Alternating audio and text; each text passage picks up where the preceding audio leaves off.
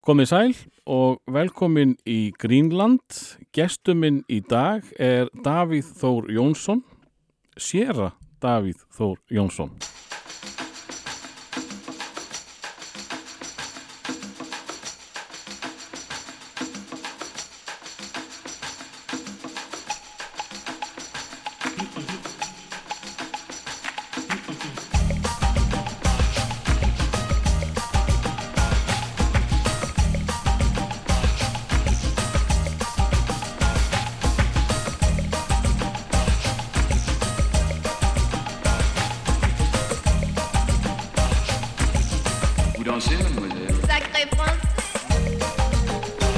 Davíð Þór, velkomin. Já, takk fyrir, takk fyrir að bjóða mér. Hvað, eh, sko, Upphefð að fá að vera í þessum félagskap viðmælendaðina eftir öll þessi ár. Ertu að vinna þig alveg aftur í spaukstofuna eða hvað? e, já, Ómar svona, Ragnarsson verður kominninga til um páskarna með þessu áframaldi. það er serið þrjú held ég. Já, En e, sko, nú, nú umgengst ég ekki mikið presta. nei, Ámar að segja séra. Eða er þetta val? sko, þetta er í raun og veru val og þetta er ferlega, þetta er svona ábygglega færið mismunandi svör eftir því sko hver presturinn er. Þetta er eins og, eins og með doktor, skilur þau, ertu alltaf doktor, þú veist, þú segi, þú ert ekki að taka, þú ert í raun og veru ekki að taka viðtal við séra Davíð Þór Jónsson núna, vegna þess að ég er ekki komin hingað sem séra, ég er ekki hér í embættiserindum. Einmitt. Hitt er hann að mála, ég get ekkert klætt mig úr uh, séranum, Nei. skilur þau, þannig að, hérna, þú veist, ef þú vilt kalla mig séra, sko, ég, ég til dæmis hef alltaf mótmælti, til dæmis ef ég er kynntur með, með hérna, pönkljónsveitinni minni að söngvarinn sé séra Davíð Þór Jónsson sko að það er stramt til tekið ramt vegna þess að ég er ekki að sérast þar, þú veist, það er bara partur af mínu engalífi. Hvað er mínu- séra? Séra er bara samstofna orðinu sör sko, Mm, já, já. og senjór og, og hérna mentamenn höfðu þennan titil í, í, í hérna í gamla daga Og yfir á einu, einu, einu, einu mentamennir voru prestar Ég skilu því. Uh, mér langar að svona að fá þau til þess að rifja upp sögu þína mm. og uh, þá uh, geima þá dramað fyrir Jón Ársæl eða eitthvað. já, Uh, meira svona skemmtilegri upp, upp á komur. já. Það Ég, ég, ég get ekki geimt drama fyrir Jón Ársæl ég held ég að verið hjá hann fyrir einhverjum 2-3 árum Já. Já, já, já, ég var svolítið hissa þegar þú ringdir í mig því ég hugsaði með býtu er ekki allir búin að heyra æfisöðana mína 20 sinnum. Já, það komið tíma á. Já, já. Þarna séu, ég var búin að gleyma að þú hefur verið hjá já. þannig að það komið tíma á nýja ægusugu. Mm. Eh, ertu haffinningur eða? Nei, já, það fyrir eftir hvernig þú spyrð, sko. Ég var reyndar, Nú spyr ég þig. ég hitti konu um, um daginn sem sagðist alltaf líta á mig, hafnfirði, á mig sem hafnfyrðing og svo þegar það kom í ljós, þá var hún bara því hún var nógu stolt af mér til þess að ég einhvern veginn, fyrir henni var það sko virðingar. Mm. heiti, hún hafnfyrðingur sjálf en ég bý í Reykjavík til 10 ára aldurs og ég er tvítur þegar ég flytt úr hafnarfyrði. Já, þetta eru bara tíu ár. Þetta er bara 10, ára, ég er 54 ára og í 40 ára af þessum 54 hef ég búið í, í Reykjavík og, og hérna 10 í hafnarfyrði og, og svo eitt ár í Ameríku, eitt í, í Svíþjóð og tvö í Þýskalandi. Varst ekki eitthvað fyrir austan líka? Ég, jú, jú, reyndar var jú, ég er að gleyma því, ok, 38 ár Mm. í, í Reykjavík, jú, ég gleymi því. Það eru svo tvö ár, tvö ár á Eskifirði. En uh, segðu mig þá aðeins uh, frá, hva, hvaðan ertu þá úr bænum? Hva, hvar mannstu fyrst eftir þið? Selja við, ég er vestast úr Vesturbænum, Já, já. bara hérna rótgrónu káer hverfi og, og hérna lék mér í, í hjeðinsportinu, í hjeðinshúsinu og stálstundunir í slip og fór nýr á Granda og, og þarna í fjörunni þarna fyrir neðan, það var svona fór maður, fór ekki mikið, mikið lengra en, en það, ég, man svo vel eftir nefnilega fjörunni þarna fyrir neðan það sem Jóð Ellhúsið er núna. Mm. Þar var að já, já, já, þar gatt maður fundið mann ég og ég átti einhvern veginn eitthvað sapna því af sko slípuðum glerbrótum já. þarna hefði eitthvað verið öskuhaugar eitthvað svo leiðis og sem hefði verið reynd að reynsa og sjórin búin að, að ganga þarna yfir í einhver ára tíð þannig að maður fann svona grænt og brúnt, græn og brún glerbrót úr flöskum sem að sjórin var búin að slípa voru hann alveg, alveg nöttótt þannig að heimurinn takmarkaði svolítið af ringbrautinni og bræðraborgastignum. Mm. Maður fór eiginlega ekkert út fyrir það. Sko. Og, og hvað hérna, manstu þína fyrstu minningu? Nei, veistu, ég veistu, ég man ekki neitt það er reyndar, reyndar gallin við mig sko að ég hérna kona mín er alltaf hann hengsla staði þegar ég man ekki þetta og man ekki hitt sko ég man sjálfur sér, ég man svona stemningu, ég man myndir en að ég muni eftir einhverjum ákveðnum atbörðum frá því ég var fjögra, fimm ára það er, það er eiginlega fráleitt sko, það, það er ekki tannig sko ég, ég, ég á einhverjar minningar úr Selmuskóla og ég veit að ég Selmuskóla? já, Þetta það hef var- ekki heyrt áður. Nei, það var sem sagt dagmamma eða hún rak, það var engar engin leikskóla, hún hétt Selma og við köllum þetta bara Selmuskóla sem þýðir að ég man eftir mér frá því, sko ég hef verið fjögra fimm ára, einhver svoleiðis þegar ég var þar. Ég man þegar við vorum að læra að lesa. Ég er orðin læs fimm ára. Hún, hún var með svona einhverja sérstakar uppeldis og kennsleaðferður, hún vildi að börn mættu læs í, í sex ára bekk. Og, og ég man, man eftir henni sitjandi, við vorum að lita stafi og blöðum og þessi stafur heitir A og hann segir A og þessi stafur heitir B og hann segir B segir B. Þannig að hérna mig rámar rámar í svoleiðis aður úr, úr, úr bensku minni. Ég man eftir einu atviki þar sem hérna, við vorum búin að vera mjög óþekk og hérna Selma klætti sig upp sem hérna grílu og kom og alltaf að taka okkur og ég hérna eh, held að ég hef aldrei á æfinu orðið skelvingu lostum þá sko. Gríla var bara komin í Selmuskóla að taka okkur að því við vorum búin að vera svo óþekk. Já, þetta eru öðruvísi aðferðir. En ég man ekki, ég man ekki alveg hvar hvar í bænum Selmuskóli var sko. En ég man, man svona eftir þessum svona óljós minningabrot frá, frá, frá þeim tíma sko. Hvað gerða þá litli strákar í Vesturbænu? Hva, hvernig var leikið sér? Við leikum okkur voðum ekki bara í kuppaleik á stegaganginum besti vinnum minn bjóð á hæðinni ofan mig var ári, ári yngri en ég Mm. svo var bara farið í fótbolta og, og París og alls konar leiki í, í, í, í skólanum en svo var, sko það var þarna krakka hópur og, og ég man alveg eftir eftir sko það var farið í leiki í hérðinsportinu, það var rosalega gaman að leika sér þar, það var bara stórt port og það var fullt af játnadrasli og gömlum vélarbútum og ég man eftir Eitthvað stór hættulegt? Já, já, sko ég man eftir, eftir einhvern stórum játtlungi sem kannski ef ég segja núna myndi komur óvart hvað, hann hvað hann er lítill. Hefur verið ábygglega einhvað úr uh, skipsvél eða einhvað svo leiðist en þetta var svona það var hægt að skrýða í gegnum hann í gegnum einhver göng svona sem ég ímda mér að hafi kannski verið fyrir einhverja stimpla eða einhvað svo leiðist krakkar gátt allavega að tróði sér þarna í gegn og, og þessi játtklumpur var þú veist, gatt brúðu sér í hvaða hlutverk sem er, sko, hann gatt verið skriðdrykki hann gatt verið kafbátur, hann gatt verið miðaldakastali og og, og, og, og hvað sem er. Jú, jú, og, og svo fekk maður gatt á hausinn og, og hljóp grenjandi heim og svo kom maður tilbaka með plástur og, og hérna sem jafn gildi svona heiðursorðu fyrir vasklega framgöngu Ég segi stundu sko, æska mín, æska mín var svolítið svona eins og batnabók eftir Ármann K.R. Einarsson við, hérna, við Polli og strákarnir í Vesturbænum mm. að því að svo fór ég alltaf í sveit á sumrin sko. ég kom, ég kom, eh, mamma er, er, er, er úr sveit, afið minn og amma voru bændur og ég var alltaf hjá þeim öll sumur ég kom og, og eftir að þau eru orðin of gömul og bregða búið þá er ég í tvö sumur sko ráðsmaður á næsta bæ þannig ég er komin yfir fermingu þegar ég er í Reykjavík í fyrsta skipti yfir sumar Já, já. Hvernig, hvernig kunnur við það, sveitina? rosalega vel, ég bý held ég að því alla tíð og líka sko að því afi minn og amma voru gömul Uh, afi er komin sko yfir 50 þegar mamma fæðist Já, ok. Am, amma, amma hálf hálf 50 uh, amma fætt 1900 afi 1894 og hérna þannig að þú veist amma mín er fætt í, í Torfbæ og, og var 19 ára í fyrsta skipti sem hún svo bifreið.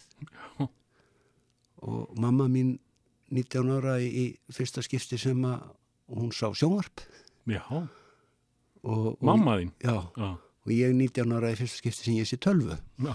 eða 18 þannig að ég er svona að býða eftir hvað gerist þegar, hérna, þegar bönni mín verða verða, verða átján eða hvað gerðist þegar þau, þau voru átján sem eru, hafa náð þeim aldrei sko. En Davíð, hvernig, hvernig drengur varstu? Hva- Hvernig, hvernig barn varstu? ég var ofsalega fullorðinslegt barn eða ég var, ég var svona grúskari og spekingur Mm. og hérna heitlaðist af, mann ég bara strax sem barn af tungumálinu, ég manna í sveitinni sko var verið að fara með hérna, vísur ef einhver keirði fram hjá bænum þá var bara dónaskapur að stoppa ekki, kom ekki við og þykja kaffi og spjalla og, og þá þurfti náttúrulega að hérna sína félagslega hæfni með því að kunna einhverja skemmtilega sögu, hún endaði, endaði gætna á einhverju vísu.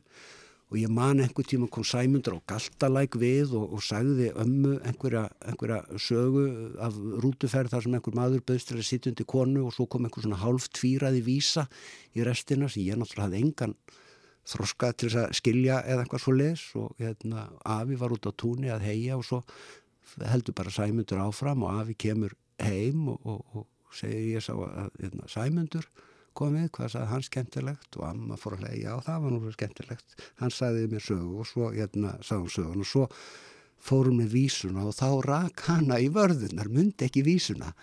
Og þá heyrist í stráknum mér sex eða sjö ára göfnum þá riði ég henni upp úr mér. Ég man hann ekki ennþá sko en ég þurfti, ég þurfti bara að heyra hana, heyra hana einu sinni og, og hérna. Og þetta fannst afa merkilegt mann ég þegar hann áttaði sig á því að, að, að strákurinn að, að, að, að vísan hafi límst í hausin á honum. Og hann fór að kenna mér vísur Já, upp frá þessu. Og svo, svo setna þegar ég fór að reyna að, að böðla saman að þá hérna þá hérna honum einhverjum kveðskaps og honum fannst lítið til koma sko á útskýrðan fyrir mér svona grundvallarreglur um stuðla og höfuðstafi Mm. sem að hérna sem ég hef eiginlega haldið mig við æ síðan sko. En- þegar, þegar ég hef verið að reyna að yrkja það sem ég einhvað sko. En þessi litla dæmisaga úr sveitin í Galanda mm. segir manni að þú hafi verið með svo kallan límheila.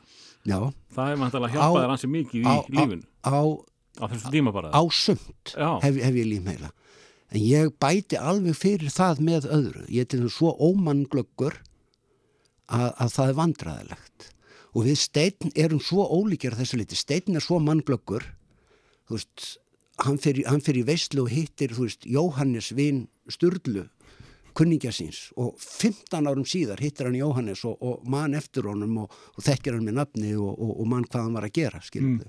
ég hef, ég sagði hennum vinnu mínum frá þessu og sagði sko steinir svo mannglöggur, ég hef séð hann þekkja fólk sem hann hefur aldrei séð áður. Og ég er ekkert að ljúga því. Á, á, þegar við fórum uh, radjusbreður vorum að fara að túra að borga fyrir eistri og hérna hann stýgur út, út úr bílnum og börnin þyrpa staðunum, krakkar sem hann hafði aldrei séð áður og, seg- og einhver segir, veistu hver ég er, þekkir mig? Hann horfir á strákin sig, þú ert þú ert sonur hans og, og, og, og, og hennar. Já, já, hvernig sem. Það bara, það sést bara. Hann bara þekktið á svipnum bara að það var náttúrulega bara takmarka mengi af borgfyrðingum sem barni gæti verið undan Já, já. og hann bara sá það á svipnum á barninu hvaða batt þetta var og ég segi þetta við, við, við, við mér, ég hef séð hann þekkja fólk sem hann hefur aldrei séð áður. Þá segir hann, það er nú ekkert. Ég hef séð hann þekkja hunda sem hann hefur aldrei séð áður. Þessi nú undan hann luppa og ósi, það sést nú langar leiðir. Og það passaði sko. Já, það er nokkuð gott. Já, ég, þannig að ég ég hins vegar sko ég þekki ekki, ekki fólk sem ég var að tala við í fyrra dag Mm. þegar ég hitti út í búð af því það er ekki á staðinu þar sem ég var að tala við það í fyrra dag sko. Já, þú þarft umhverju til þess að... Já, ég, ég sko, ég man eftir andliti og ég man að ég hef séð hann mann áður en að ég muni hvað hann heiti eða hvar ég sá hann áður eða, eða undir hvaða kringumstæðum bara, það, þetta bara vantar í mig Mm og ég, það er rosalega óþægilegt ég tengi svolítið við þetta. Eh, síðan, eh, þú byrjar í skóla Mm. eftir Selmu. Já, Hvaða skóli er það? öldugötu skóli. En uh, hétt sennilega barnaskóli Vesturbæra eitthvað svo leis Mm. var við öldugötuna í hérna gamla stýrimannaskólanum. Já, já. þá, þá til að hann var fluttur held ég í, í nýtt hús á, á Solvallagötu á þarna eða við ringbreyt á milli Solvallagötu og ringbreytar Ég, ég er átt að viltur, ég veit ekki þú þekkir, þekkir þig ekki þarna vestast í Vesturbæn ég byrja í, í, í öldugötu skóla í sex ára bekk og er strax til vandræða. Nú, vegna þess hvað er verið að kenna í sex ára bekk? Að lesa. nákvæmlega, þessi stafur heitir A og hann segir A og það er verið að kenna mér eitthvað sem að, þú veist, ég var honum fluglæs og mér bara leittist rosalega mikið og, og það er ákveð að prófa að leifa mér að vera með sjórakrökkunum, að að, ég siti friðs. Og það virkaði vel, sko. Og þannig að æ síðan hef ég verið ára undan í skóla. Já, já.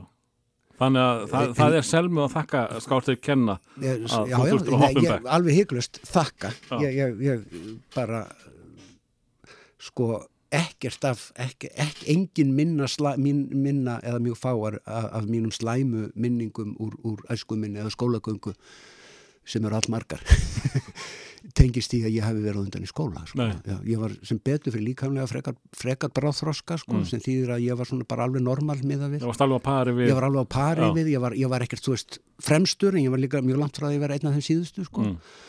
Og hérna, og hérna, og svo segir stundum, sko, ég menna, næstingsti strákurinn í bekknum var viku eldri en ég, því ég fættur 5. janúar, Mm. þannig að ég var strangt til tekið ekki nema 5 dögum á undan í, undan í skóla, sko.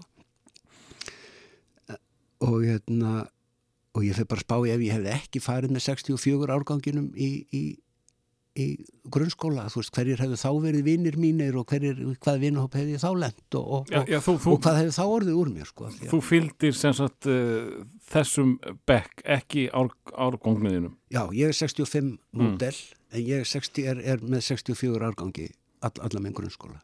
Uh, Og hvernig, hvernig uh, drengur var Davíð svo í skóla eftir að var búin að finna sig á, á réttum stað? Sko, það varð rosalega mikil breyting á mér. Þegar ég er tíu ára þá flytti við í Hafnarfjörð. Mm. Fram að því hafði ég verið svona fyrirmyndabannið, sko. Já, og held því svo sem áfram. En ég lendi í hafnafyrði fyrstu árin í frekar með gengur ítlægnast vini því ég þykki sérstakur og spes. Ég menni ég kem í bæinn á haustin hafandi eitt sumrinu með afa og ömmu sem eru fætt á 19. öld.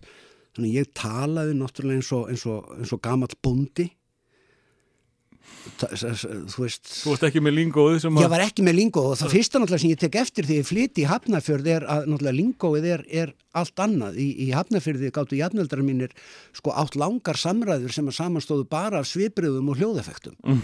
Hann alveg og ég alveg og þetta var alveg fullgild setning í, í, í, í þeirra díalóg skilur þetta. Og Bara 19. all, allir skildu nákvæmlega hvað áttu við Já. og svo kem ég og segi Ég hugsaði sem svo að nú væri ég í laglegum ógöngum og það var náttúrulega, ég var bara álitinn frík, sko. Ég get alveg þér að það hafi verið pínu erfitt að, tengjast. Já. Já. Og svo líka var þarna í skólanum og, og nú þarf maður að passa hvernig maður talar, þarna var líka hópur drengja sem átti ég vil ekki segja bátt en hérna voru alls ekki öfundverðir af sínum kringumstæðum. Mm. og hérna, þurfti að fá útrás fyrir, fyrir gremju og óryggi sko.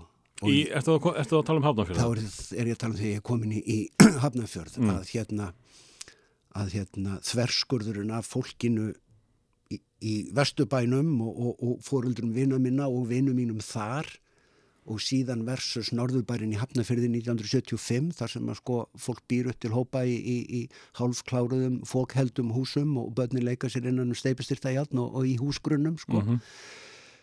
að það er bara ekki alveg, eh, það var ekki eins Nei. ekki eins fólk, þannig að það er, er og, og þegar ég horfi núna aftur þannig að get ég alveg átt að með því það var kannski ekki ég sem átti bát að bát sem er baðað, ást og býr við öryggi og, og, umheikju það hefur ekki þess að þörf fyrir að fá útrás á, á jafnöldunum sínum sem stinga í stúf Mm. þeir hafa bara ekki þess að þörf sko. ég stakk í stúf og ég var í, í, í árgangi þar sem að hópur drengja hafði mikla þörf fyrir það og þegar ég hitti þess að stráka í dag þá sem eru á lífi nota bene sko, þá hafa þeir ekkert verið öfundsverðir af, af, af sinni æfi sko. Mm. og, og hérna, eitt þeirra er nú maður göttunar bara í, í dag og, og, og aðrir hafa, margir hafa snúið lífi sínu við sem betur fer en, hérna, en, en, en það var bara strax á þessum árum sé ég núna laður svolítið grunnurinn af að einhverju svona hatri og ofbeldi út í heiminn sko. Mm. sem að, sem að náttúrulega fyrir rest beita á sjálfa vest. Hvað, hvað tekur það þig langan tíma að falla í kramið?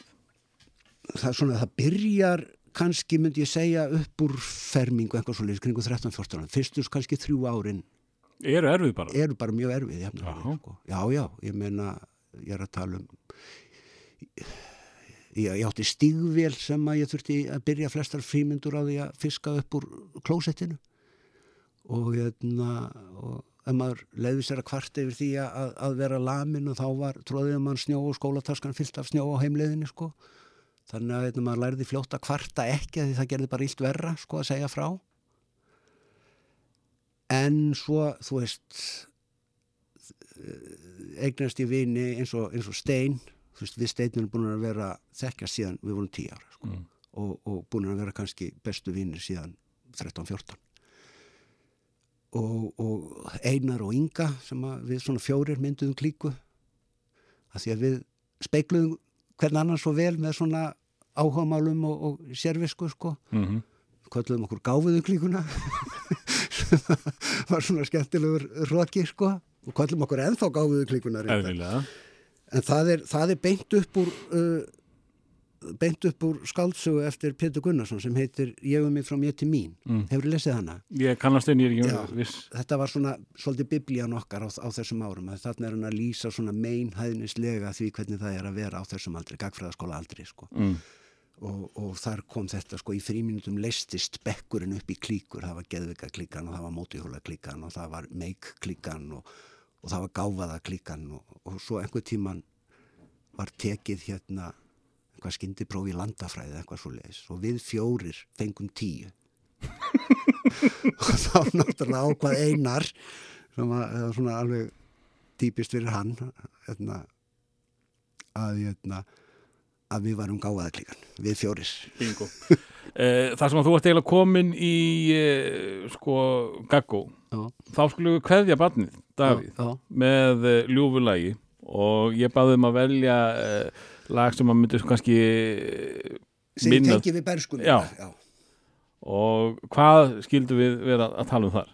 á ég kynna lagi Já, þú maður kannski segja mig hvað það er og, og, hvað það er og, og, og kannski hlustundum í leiðinni. Sko, þetta er og hljómsveit kannski útskýra. þetta er hljómsveit sem heitir Middle of the Road. Og, þetta, og, og lagið heitir Chirpy Chirpy Cheep Cheep. Og hefur verið valið eitt af hérna, mest creepy, svona unintentionally creepy lögum tónlistarsögunar ég valdi þetta lag vegna þess að það er náttúrulega bæði segir það svolítið hvað ég er honin gamall, ég googlaði það þetta er frá 71, þannig ég hef verið 6 ára þegar þetta lag kom út. Já, heldur vegna þess að ég, þetta er svona, þetta er sennilega fyrsta svona poplægið sem ég man eftir að hafa geta sungið og hafa fílað og hafa svona verið, verið upp á slægið mitt. Og ég man eftir mömmu í sólbaði í gardinum á, á seljaveginum og, og þetta lag að blasta á fullu í, í útvarpinu og mömmu, ef man ekki hvort það var að raula með eða, eða, eða, eða smetla fingrum. Þannig að þetta er svona upphafið af, af, af mínum smekk fyrir dægur tónlist.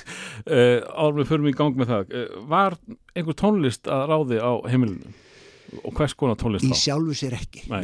nei, nei hvort fóreldra minna uh, tónlistafólk mamma syngur mikið með, með hérna kórum. Mm. ég er tíu ára þegar ég eiginlega finn það upp hjá sjálfuð mér að mér langi til þess að fara að spila á píano og þá er ég sendur í tó- tónlistarskóla Emils við, við Nýlendugötuna. Mm. en ég, nei, ég þurfti eiginlega að, að það var ekki haldið að mér tónlist í, í, í uppvöxtunum. Það var haldið að mér bókmentum og kveðskap en, en, en ekki svo mikið músík. Hérna er barnaskúla eðan stafís Middle of the Road. Chirpy Chirpy Cheep Cheep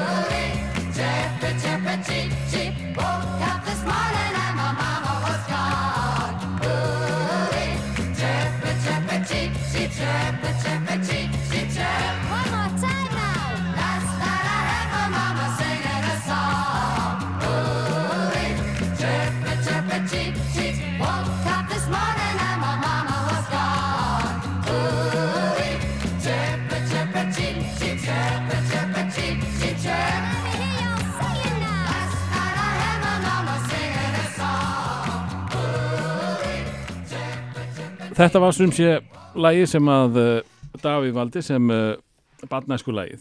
Og uh, falleg minning með laginu og þetta segja. Uh, að skaplega fallegt að heyra bara einhver tala um sól og einhvern í sólbaði. En sko þú varst fann að færast nær já, úlingnum áður en við fórum í barnalagið. Og þarna ertu búin að skapa þennan flokk. Já, uh, gáðu klukuna gáuðu klíkuna já, sem fengu allir tíu á landafræðaprófunu uh, Er þetta svona göstlarar uh, úst, ég er náttúrulega þekki bara steina af þessum Já. fjórum Einar er, er kerfisfræðingur í dag, Mm. vinnur hjá Reykjavíkuborg og mér skilst nú fólki sem að hérna, vinnur með honum að hann sé hérna óskaplega mikilvægur að, að, að, að infrastruktúr borgarinnar nánast færi í kerfi ef, að- ef að hann er hérna svona þykir, skilst mér, býstna snjalli í því sem hann gerir, gerir þar. Einar er kannski sá sem að hérna kveikir í mér músik áhuga í sjálfu sér.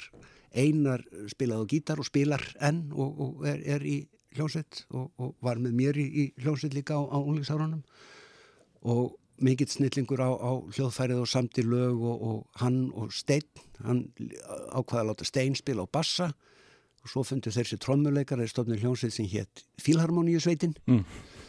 stór nöfn. Og hérna þeir keftu á músiktilraunum Já, og þau í öðru sæti. Urðu í fyrsta sæti hjá dómnefnd en held ég þriðja sæti hjá áhröndu sem tryggðu þeim mástu hvað ár það var? Hvað, hvaða hljómsveit vann það? drón, Já, það var bara fyrsta árið.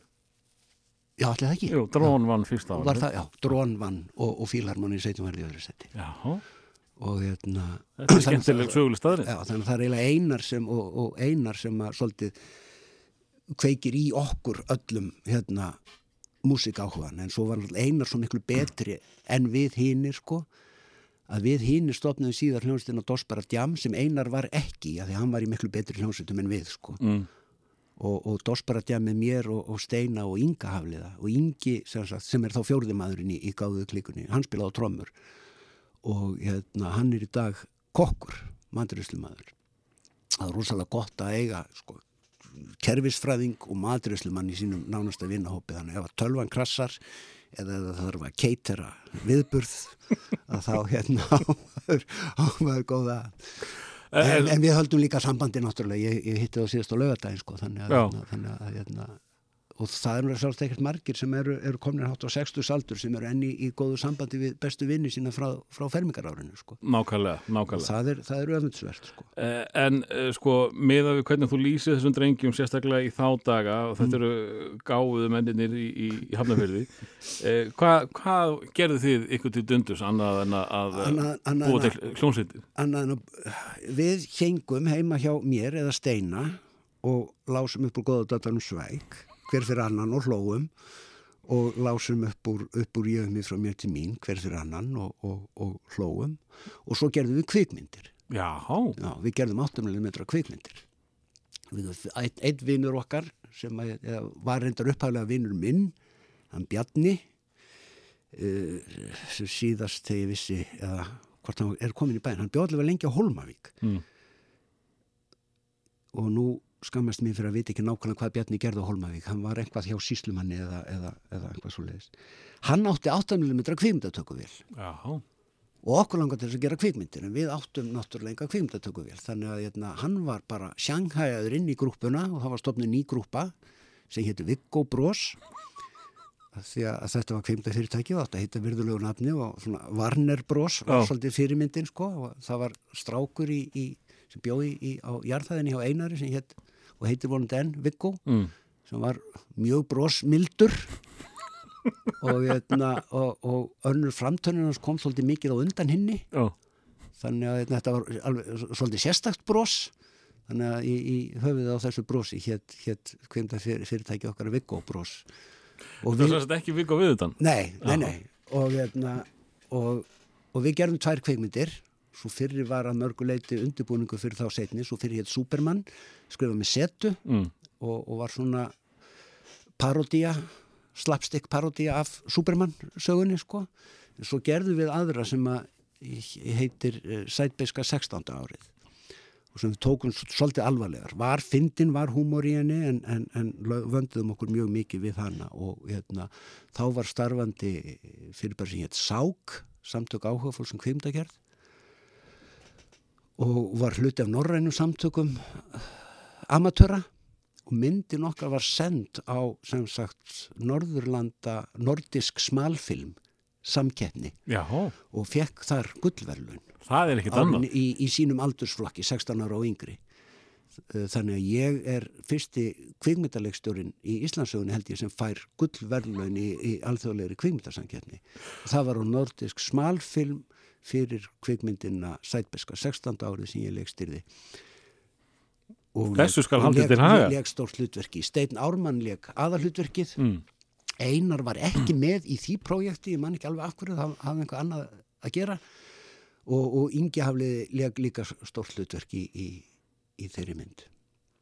Og Hva, um hvað var þessi ágæta mynd? Hún var um dreng, jafnaldur okkar, sem að lifði og hræðist í hugarheimi Morgan Kane, Mm sem að síðan lendir í, Sem var aðalmaðurinn í þá dag. sem var aðalmaðurinn þá daga, sem síðan bara á daginn frá helvíti. Að það kemur aðeinslega sætt stelpa sem að byrjar í, í skólanum, Gloria Svansson, hétt hún, og hérna lendir í því að- sitja við hliðina á honum og, og, og hvað eftir annað verða óheppilega atvik til þess að hann gerir sig að algjör í fýbli í hennar augum og, og endar á því að, að honum er, er vísað út úr partí og lappar einn út í, í, í buskan og, og yfir þessari senu þar sem hann gengur einn út í myrkrið, voru svo heppnir með veður sko að það var tókum þetta í kolnið að myrkri en, en gödulýsingin var svolítið flott og það var svona skafrenningur sem kom svona flott inn í og hann lappar burt og, og yfir þetta spila Diremaker með Led Zeppelin. Ó, ó, ó mjög áhrifarík loka sena og þarna voru sko senu svona kúreka innvíi sem að hérna bara sem að bara kópjera skot fyrir skot eftir svona spagetti vestra Já, einhverju og, við vorum alveg með sem sagt hérna skrifað upp nákvæmlega skot fyrir skot hvernig nátt að gera þessa senu þetta var alvöru. Já, já, já. Pappi minn er kvímyndagerða maður, þannig að, Já. þannig að það voru svo- svolítið hæg heimatökin að fá upplýsingar um það hvernig nætti að gera kvikmyndir. En en hvernig, sko, uh, þú ert búin að finna þér þinn vinahóp, uh, Mm. hvernig er þá, sko, restin á skólagöngunni í grunnskólanum? Hún er, hún Hvernig er Davíð er, hún er, unglingur? Sko, hún er nokkuð, nokkuð smúð sailing. Ég reyndar, ég gerðist vandrað unglingur að því að, náttúrulega, nú er ég að reyna að hlaupa yfir, yfir skuggahliðarnar, átti, mm. ekki að vera glansmynd Jú, jú, jú. Ég, hérna, ég varð svolítið brjálaður, ég þurfti rosalega mikið að sanna mig og gera rosalega mikla uppreist og ég fór að reykja og drekka og, og stela og, og brjótast inn og, og, og lendi í, í vondum málum. Sko. Mm. Fekk skilurspundin dóm þegar ég er, er 15 ára fyrir innbrot Já, og, hérna, og ég man eftir því að, að hérna, ég var byrjaður í Flensborg þegar ég fæ brefið um að ég hafi afplánað minn skilurspundna dóm. En þá var ég svona svolítið hrættur. Þetta hefur verið notað, þetta er kallað scared straight, sko. Mm. Þegar mér gerir grein fyrir því að ég hefði, hérna, að það sem ég er undir lögaldri þá væri nú ekki hægt að hérna, dæma mig fyrir þetta og hérna, ég fengi skilurspundin dóm en ef að ég myndi gerast brotlegur við hegningalög næstu tvö árin þá væri hægt að dæma mig fyrir það og þetta brot og þá væri ég orðin sakhæfur. Og, og þetta, þetta kom þér á beinubrutinu. Já, já, þetta komið svolítið á beinubröðina. Já, hérna, hætti, hætti ég öllum svona vittlinsisgangi og þetta var náttúrulega líka, ég fekk rosalega mikið mórala því ég sá að þetta var erfitt fyrir fóreldra mín að hérna, hafa þessar áhyggjur af stráknum að hann væri bara að verða einhver umskiptingur. Sko. Mm. En fyrir mér var þetta bara einhvern veginn, ég þurfti bara að sína að ég væri vist viltur og töff og, og galinn og, og gæti brotið reglurnar að ég var svona, svona, svona, reyna að sprengja af mér hérna professors englabars ímyndina sko.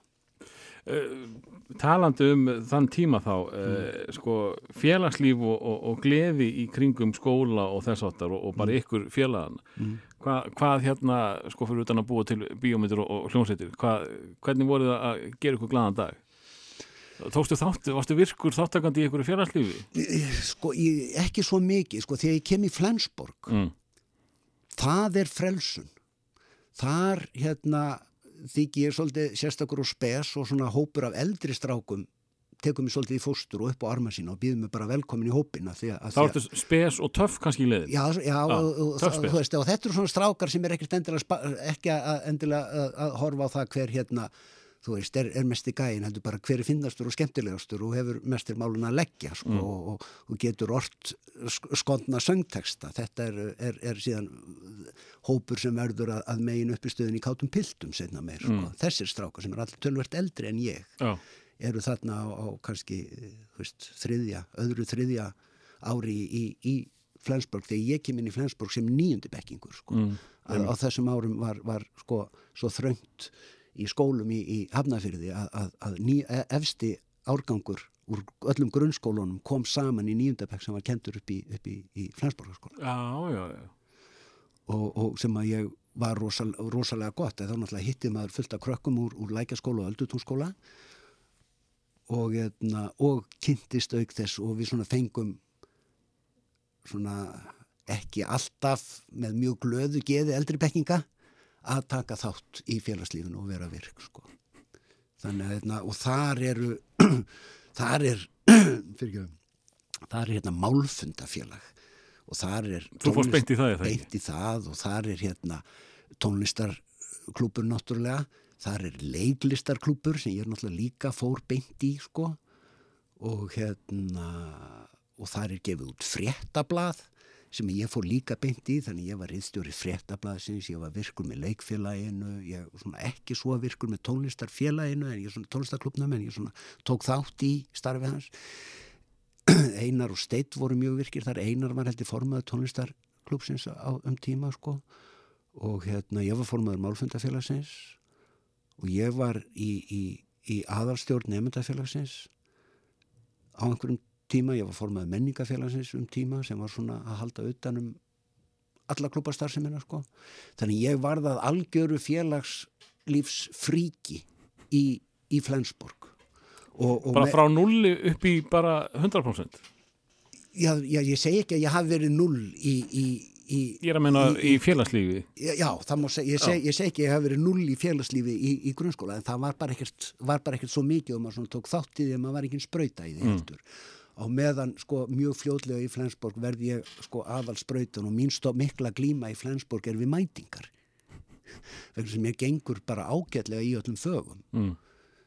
það, það bitnar á einhvernum mínum að, að, að ég er með hérna, að ég er hvað ég er með lélega mætingu og það eru dreignar af mér einingar fyrir það hvað, að, og ég þarf að er rekin úr kursum út af því hvað ég er með lélega mætingu af því að ég bæði náttúrulega bara aga leysi og líka hérna og það var bara alltaf mjög oft eitthvað miklu merkilegra að gera heldur en að mæta í tíma sko, það þurfti að undirbúa eitthvað eða skipleggja eitthvað eða og, og það er mitt strögl og Kristján Bersi Ólafsson skólamistari blessun sér minning þess mikla snillings. Þegar ég útskrifast þá er, tekur hann viðtal við mig og hann segir þú útskrifast hér með 132 einingar sem er tilskilin lámarsfjöldi eininga. Og mér fyrir nú að segja að mér hefði nú fundist að þú hefðir haft alla burði til að gera betur. Og þá segir hann Kristján minn þú hérna verður áttaði á því að þú dróst af mér átta einingar bara fyrir mætingu. Þannig að ef ég fengi þær tilbaka þá væri þetta náttúrulega miklu miklu glæsilegra hjá mér En, sko, ertu, ertu snemma farin að sko, svara fyrir þig, svara fyrir þig uh, sko, á þess að vera með skæting eins og bara þetta, ég held að ég myndi ekki þóra að segja þetta við skólamistara minn. sko já að þú spurður um, um hérna eina, að því að, að því að ég var að tala um hvað ég sem strákur að pæla í tungumálinu Mm.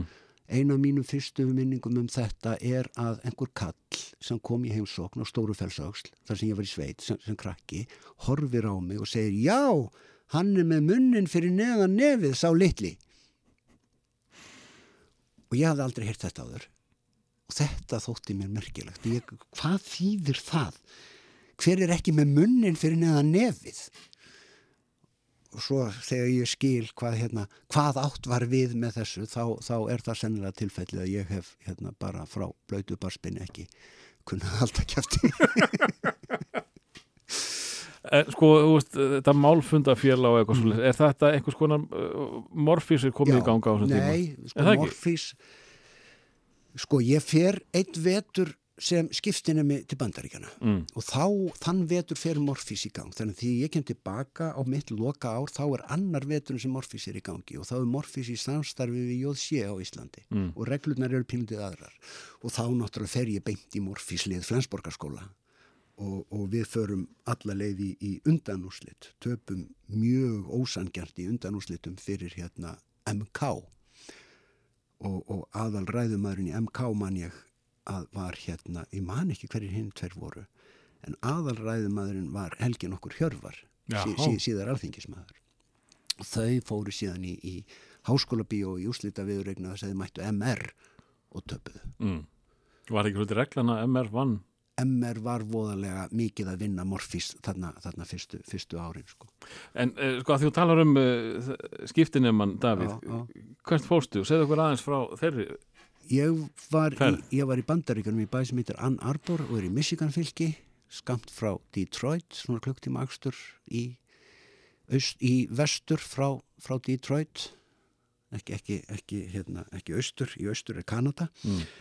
uh, og þetta er háskólabær 100.000 manna bær en það eru þarna 35.000 nefndur við háskólan sko þannig að, þannig að yfir veturinn er cirka 250.000 manns þarna í, í Ann Arbor og þar af sko tveir þriðju á einhvern nátt tengdir háskólanum eru prófessorar eða nefendur eða, eða makar prófessora eða nefenda og svo hellingur af fólki sem er þarna að hérna að hérna þú veist, allt þetta fólk þarf að þjónusta líka, skilur þau þegar, þegar, þegar verður svona þegar, þegar íbúa tala bæjar tvöfaldast og, og minkar svo um helming á sumrin sko. Þannig að hérna, þetta, þetta er svona hálgert frjáls, svolítið frjálsræðis frjálslindis eiga í svona mjög íhaldsömu hafi. Svona, svona ef þú þekkir hérna rauðu og bláu pólitíkina mm. þá er Ann Arbor svona mjög fastur blár blettur í rauðu fylki. Já, já. Og hérna og ég fór bara í, í high school, var senior í high school class of 84 útskrifaðist frá Ann Arbor Pioneer High School og, og hérna átti minn, átti minn lokker og fór á hérna, fótboltaleiki. En fór aðal ég var svo heppin að fjölskyldan sem ég var hjá var með ársmiða á að því að University of Michigan er þarna. Og, og þau voru mikið fótbolt áhuga fólk sem ekki knattspyrnu heldur ruðnings. Já, og þau áttu ársmiða á, á völlin og ég fór alltaf með þeim á ruðningsleiki og þar lærði ég að metta og dástað ruðningi amerískum fótbolta sem að er, er rosalega flott og göfu íþrótt og ég skil ekki að, að hún er svona svona fótbolti mætir skák Já, finnst þér það? Ég, ég er ekki að kaupa þetta. þú, að þú þekkir ekki reglunar sko. Jú, ég en, en þekki þú er, ert, það er alltaf þetta að hérna, þú ert að koma boltanum áfram þú hefur nokkra tilraunin til þess og þú ert með þessa menn og þú ert að tepla þeim áfram þú veist, fórna ég þessu manni í að dekka þennan varnamann til þess að þá mynda braut fyrir þennan til þess að hlaupa með boltan eða skuttla en ég er þá, ég er þá ekki að nota hann í að grípa boltan á meðan skilur þau, þannig að þetta er alveg sko rosalega mikil strategía, þetta er 90% strategía og hérna en svo þarftu að hafa, hefur reynd að grípa amerískan fótbolta sem er kastað til þín á, á Ég fullu er krafti. ekki vissu þannig Nei, það er bara ekkert auðvelt þú þarft að grípa hann á mjög sérstakann hátt og láta hann sko snúa sig inn í fangið og þegar annars hefur hann til að því að hann snýst svo, svo rætt að hann, hann vill ekki vera grípin Mm. hann sko sprettur af lóanum á þeir eða reynir að grípa, grípa hann þú þarft að, þú þarft eiginlega að faðmann svolítið sko Reyndur þú fyrir þér í, í þessu merkarsporti? sko bróðir minn, gæsalappa bróðir minn þarna í fjölskyldunni Já. spilaði með liði Pioneer High School og, og hérna kendi mér að kasta boltan, ég var nú aldrei góður í því sko, en hérna svona þegar hann var að, að, að, að æfa sig sko þannig að hérna þannig ég hef, þú veist, þetta er bara rosalega erfitt sko og ég ber rosalega mik mikla virðingu fyrir, fyrir þessari, þessari íþrótt En segðu mér aðeins hvernig sko var að vera unglingur, þú, þú er náttúrulega þarna í miðri áttu uh, og, og uh, kaninn var nú í góðu stuði með sitt fallega hára á, in the 80s. Já. Uh, hvernig var að vera í, í bandaríkjunum á, á þessum tíma. Þetta er að vísu sko pínu skrítin bæra því þetta er mikill háskóla bæri sko. Já, er svo mikill háskóla bær og ég þótti sko svolítið svalur þar en um leið líka svolítið nörd. Ég var náttúrulega, ég var Evrópubúi Mm. og ég var að hlusta á The Police. Og Var það framandi þarna? Já, Já. Já, það var ekki beint framandi en það var svona mjög selected crowd Mm. sem var að, var, að, var að hlusta á, á, á, á brittpop eða, eða Mm. brestpop að þessum tíma, þú veist mainstreamið í mínu skóla var að hlusta á Prince og Van Halen, skilur þau það voru stóru nöfnin þar sko og ég er út í vetunum sem að Purple Rain Aha, kemur sko. Og hérna þannig að þannig ég þótti svolítið svona avantgard svolítið svona, eh, svolítið intellektual sko. Og svo náttúrulega gekk ég beint í leikfélagið sko. Og í Ameríku er það ekkert venjulegu krakkarnir sem eru í leikfélaginu sko. Það er svolítið mikið hérna nördarnir og, og, og, og skrýtna liði sem ekki að því að félagslíf í Ameríku sko, viltu ekki taka þátt í félagslífi? Og endilega og hvað er það? Og veist, þá er það allar íþróttir sem þú getur hugsaðir og, uh, uh, og hvað annað. Já og svo er leikfélag já, það er þannig. Já, og ég, þú veist, það er svolítið líkill að mínum persónuleika er að hérna, þó ég hafi gaman að horfa á fólk sem er flinkt í því sem þeir að gera eins og í amerískum fótbolta og, og, og fótbolta. Mér finnst gaman að horfa á aðra að spila þetta. Mm. Það er ekki séns að ég geti þetta sjálfur. Og einhver har sagt, þú sem aldrei hefur getað neitt í fótbolta, leysist upp í einhver fótbolta frík á HM, en þú veist, þú getur alveg haft gaman á tónlist og þú kunnir ekki á hljóðfæri Já, það er bara, ég hef gaman að að horfa á þetta en, en ég hef ímugust á öllu sem heitir líkamlegt erfiði. Já, og, þa og það, ég veit ekki hvort það tengist einhverjum traumatískum minningum úr, úr, úr leikfimi úr hérna, erfiðisvinnu í, í, í sveitinni, ekki hjá af og ömmu en þannig að sem ég var ráðsmaður, ég á minningar af mér sko í votheisturni sko alveg að sko á síðustu drópunum að, með húfuna ofan í augu til þess að síja hérna, til þess að anda ekki að mér heginu sem er verið að blása inn í votisturnin og meðan ég er þar undir að móka út í kantana svo að, hérna, svo að myndist ekki bara spírall í, í miðjum turninum sko. og hérna og svo vann maður fyrir sér á sumrin og bryggjun í Hafnafyrði í, í uppskipun og útskipun og var heilu og hálfu dagana að bera hérna sem að kannski útskýrir akkur ég hérna, ákvað það mjög snemma að leikfimi væri rugl að hérna, maður var alla, allt sumarið að sko stapla frostnu kvalketi og hann í japanska fristitógara eða, fristifraktara Mm. aldrei verið hraustari og sterkari heldur en þegar maður byrjar í skólanum aftur um haustið og hvað gerir Geir Hallstein sem kendi okkur leikfimi í fyrsta tíma, hann setur alla í þrekpróf og maður kom eins og undin tuska úr þessu þrekprófi. Bara því líkar harsperur og, og viðbjóður. Og svo n- nær maður upp einhverju þarna yfir vetturinn og er farin sko, að geta verið heilan leikfim tíma hjá Geira, Geira á þess að hérna, á þess að vera marga daga að jafna sig eftir hann og fer á bryggjuna og fyrsta daginn í, í kvalkjötinu eftir hann er maður nákvæmlega jafn slappur og maður var eftir fyrsta tíman í, í hérna í, í, í þrekinu hjá, hjá, hjá Geir sko.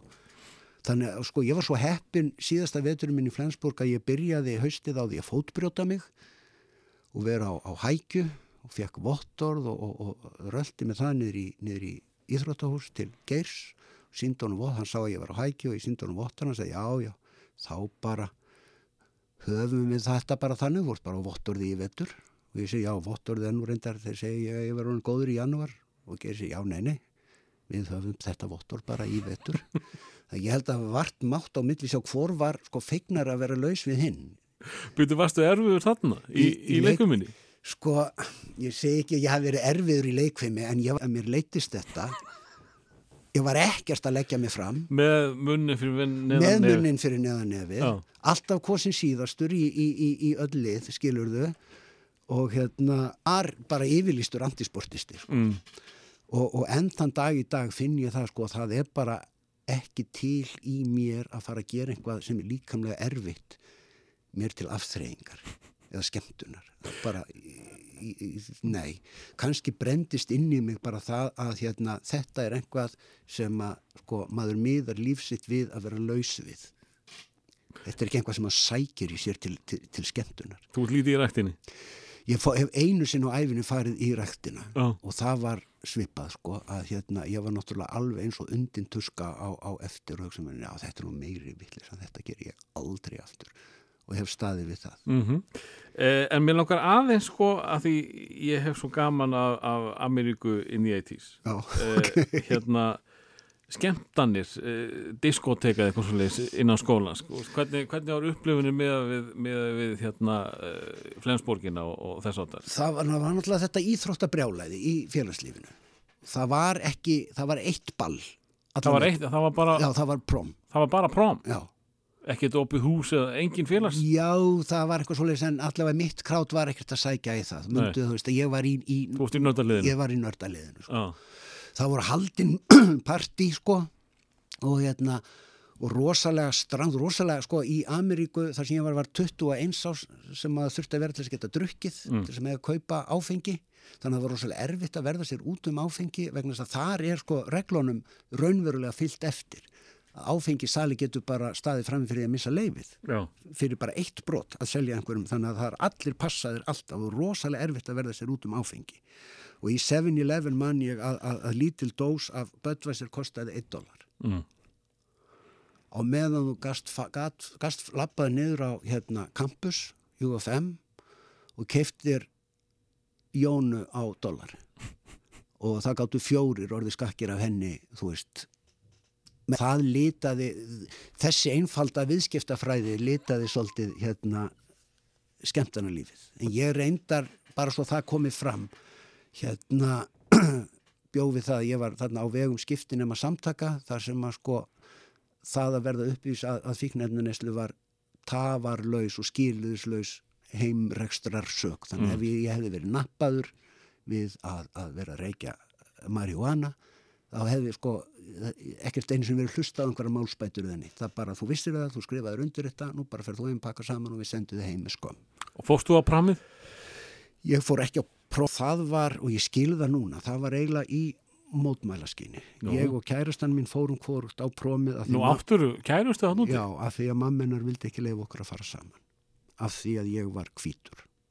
og hún var Hún var, hún var sem sagt, já, af afrískum uppruna já, og með, hérna, held ég einn áttundi Navajo. Ofbóðslega falleg stelpa. Að bara, mér setur hljóðan þegar ég, þegar ég hugsa um hvað hann var falleg. Og hérna og ég, og ég þú veist get, gæti bladrað um að ég hafi verið fórnalamb rasisma og, og þetta sé öfu rasismi og, og svartir geti líka verið rasistar. En svo fyrir að hugsa um það sko það er, mamma hennar er úr Suðuríkjunum Mm. hún er alin upp við það að sko hún má ekki það er ekki lengra síðan en það. Hún má ekki drekka vatn úr sömu almennu drikjarbrunnum mm. og hvítir. Og hún, hún, er, hún var lögfræðingur þessi kona og ekkert auðvelt fyrir svarta konu í Suðuríkjum bandaríkjan að verða lögfræðingur. Þú þarft svolítið að vera svolítið harður og hafa mikið til brunns að bera til, þess að, til þess að komast þangað og svo býr hún þannig þessum háskólabæ og hún á þess að átjónara stelpu og hún er að deyta einhvern hvítan. Evrópumann? Ev, hvítan Evrópumann. Já, og þú veist, það var bara ekki samþygt sko. og það var held ég ekki af, af rasisma, heldur bara þú veist að henni fannst, fannst það svolítið sko hérna ég, þú veist, ég, ég get ekkert dæmt hana fyrir að hafa ekki samþygt mig, skilur Mhm, ég get ekkert sett mig í hennar spór En fórst eitthvað tíðan í svona uh, Amerísk partí? Já, já, þar sem að klósist pappir á, á trjánu fyrir utan og allt og margir inni sko, það var og sko, svona bong það var náttúrulega college þarna í bænum sko. Já, og, og ég fór nú aldrei beint í svoleiðis partí sko. Nei. en, en, en ég fór alveg í, Amer, Ameris, í partí þar sem að hérna, þar sem að hérna va- var verið að, að, reykja og drekka og dansa við hérna við hérna prins. Aðal, aðal stöðið var sko ég og minn svona nánasti vinnahópur sem ég reyndar er samband við nokkra úr ennþá að við fórum sem sagt, ke- fórum nýr á bílastæðhús sem var niður í miðbænum, keirðum þar upp á efstu hæð og hérna opnuðum allan dyr og, og blöstuðum útvarpinu og bara slóum upp okkar eigin djammi þar sko. Já. Hljóma vel. Eh, ég er að því, sko hvert við eigum að- taka úlingasmellin núna já, eh, þar sem að við förum að færa okkur nær radíus og, og upp Já. á tækjum ykkar eh, í Flensborg og, og þar eftir já, og þar sem við erum þarna alveg við Kanada já, þá er ekki heimst að fá bara úlingalægi sem að kemur mitt frá Kanada já. og það myndi vera hvað og af hverju Það er líka bara því að það er svo rosalega miklar minningar fyrir mig tengdar þessu lagi. Sumarið 1982 Já. er þetta lag það vinsælasta. Þetta er, þetta er það fyrst, eitt af því fyrsta sem ég mann eftir þetta var í lögum unga fólksins á, á hverjum fyrstu degi held ég Já, er þetta, er þetta chirpy chirpy cheep cheep þitt? Nei, nei, Ekki alveg. ekki alveg Nei, en það er bara því að, þú veist, bara alltaf þegar ég heyri þetta lag þá bara ferða með mig í sumarið 1982 og hérna skemmtana lífið og, og djammið. Ég átti kærustu það sumar mm. og þetta var lægið okkar sem hérna eftir á að higgja náttúrulega meikar ekkert sens, turn me loose og kannski ekki vonað hérna að hérna úr þessu yrði, yrði varanlegt samband en úr þessu varður endar sambandi varði elsta dótti mín. Já, hún er fætt í april 83 og ég og mamma hennar við sko dönsuðum af okkur lappirnar við þetta lag og öllum diskotekum og þegar ég kemur í textanum hérna I'm even down on my knees þá náttúrulega fórum við bæði niður á hnén á dansskólinu í diskoljósónu sko. þetta var brjálaðstu þetta eru Loverboy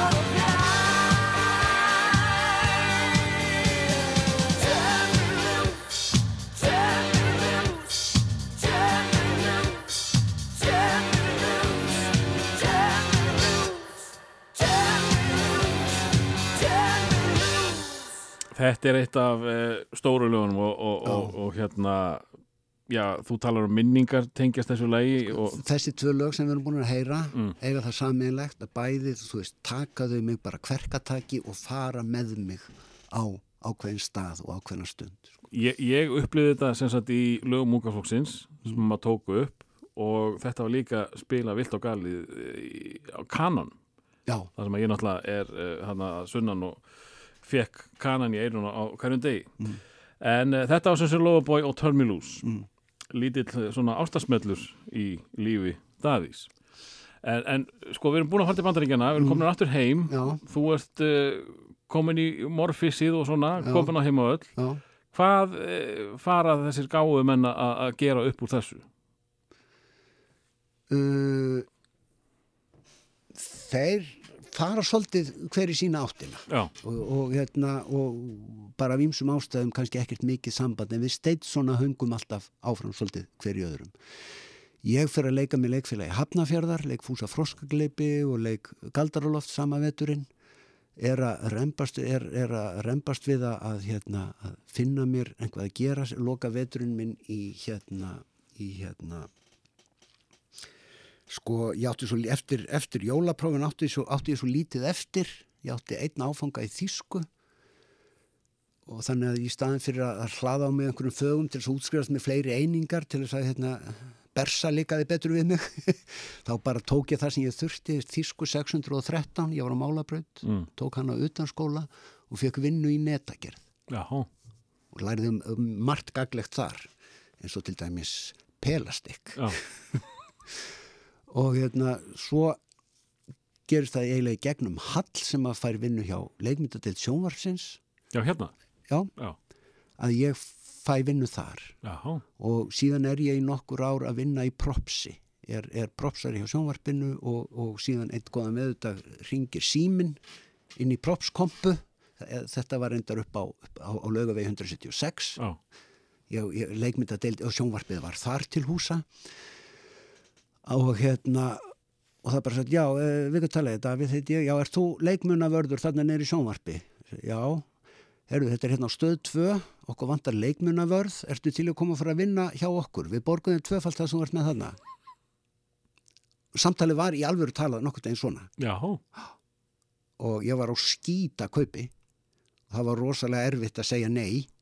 Þannig að hérna, ég lappaði inn til, til hérna, Guðmundar yfir smiðs og segja honum, herðu, ég er að fara að vinna upp á stöð 2 hvað get ég hætt, snemma, hvað get ég hætt fljótt Mm. og það var bara arranserað, það var ráðin einhverju staðin fyrir mig og ég fór upp á stöð 2 og var, var sagt, vann þar í leikmyndinni já, og ímsu öðru. Ég til dæmis fór með hérna, bílinn hans hérna, Jóns Óttars í, í skoðun og bón.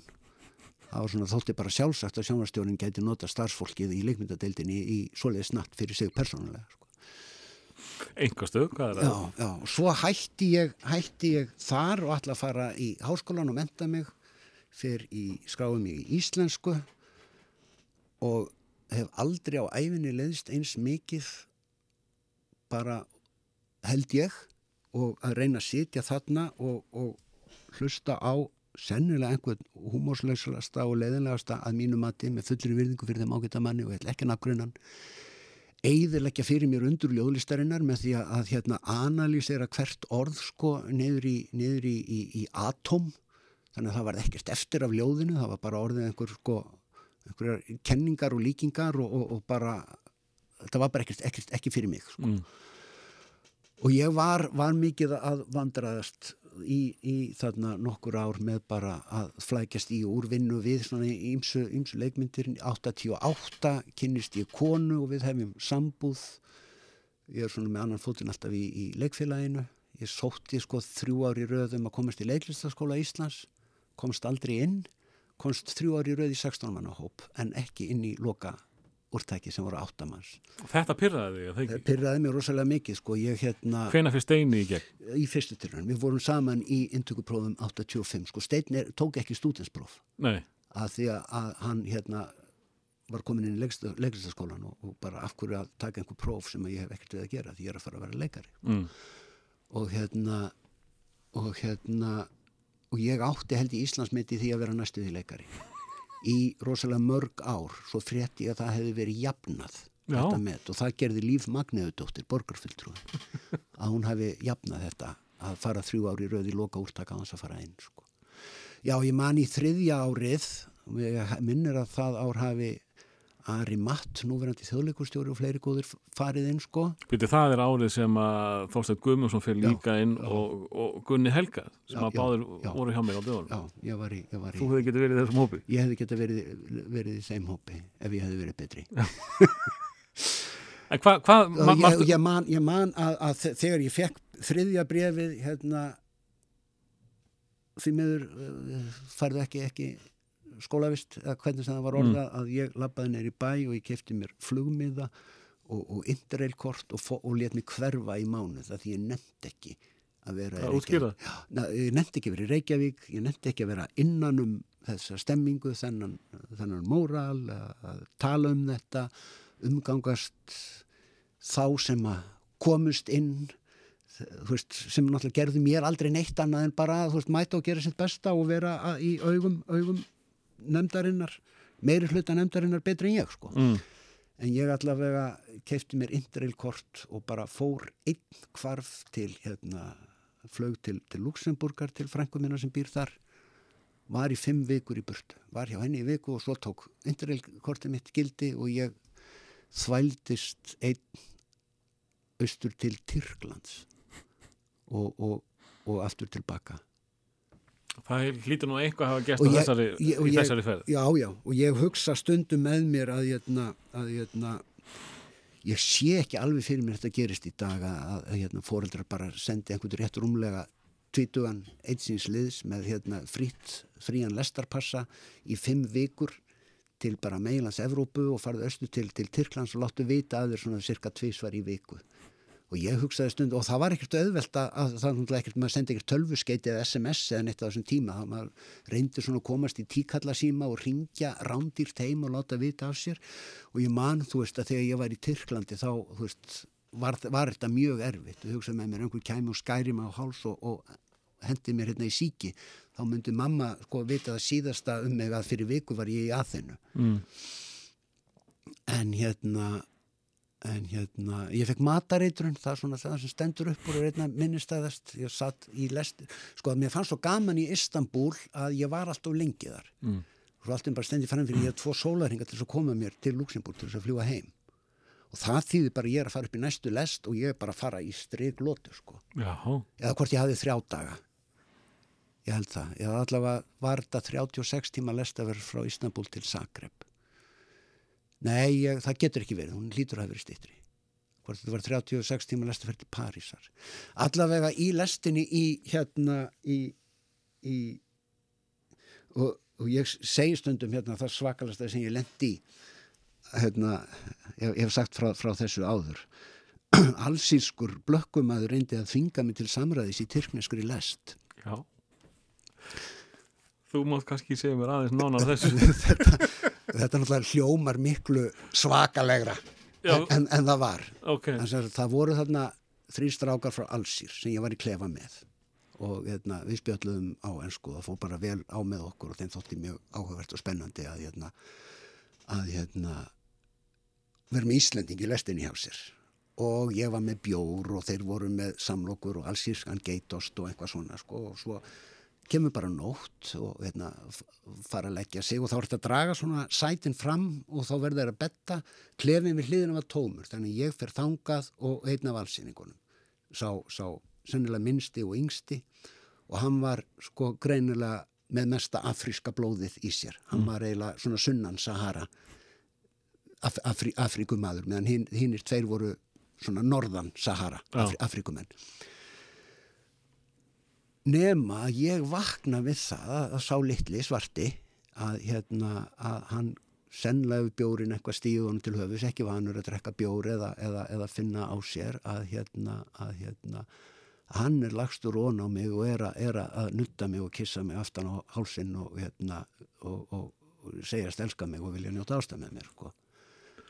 Byrju, þú að segja þetta hljó, þetta, þetta er ekki af slættu þetta hljóma? Nei, sko, hann, í fyrsta lagi, ef hann hefði reynd að beita með ofbeldi þá, þú veist, var hann sá í hópnu sem ég hefði minnst þurfti að hafa áhyggjur af, sko. Að hann var uh, sennilega höfðinu lægri en ég og, og einhverjum árum yngri, sko, og, og dauða drukkin, sko. Þannig að þetta var, þú veist, meira bara svona bögg og ónæði. Já, svona ástarlót einhver. Já, þetta var, þetta var óhugulegt, ég bara brást ókvæða við og bara saði hann að liggja og láta mig í friði og hann myrti það þegar hann var ljóst að þetta væri sennilega ekki, ég væri sennilega ekki, ekki þannig, þannig stemdur, sko. Mm. Nefn að svo stoppar lestin á búlgursku landamærunum og hérna, og þeim er öllum vísað. Þeir, allir, þeir þrýr eru allir teknir úr lestinni. Nú, Já, eitthvað vesen með vísa þeirra, enga allsýringa inn í, inn, inn, inn, í, inn í Búlgaríu. Og ég er líka tekin úr lestinni okkur. Af því, að, af því að ég var með Íslands vegabrif og þeir bara vildi ekkert kannast við það að Íslandingar Íslandingum væri hleyft bara án vegabrifs áritunar inn í, inn í Búlgaríu.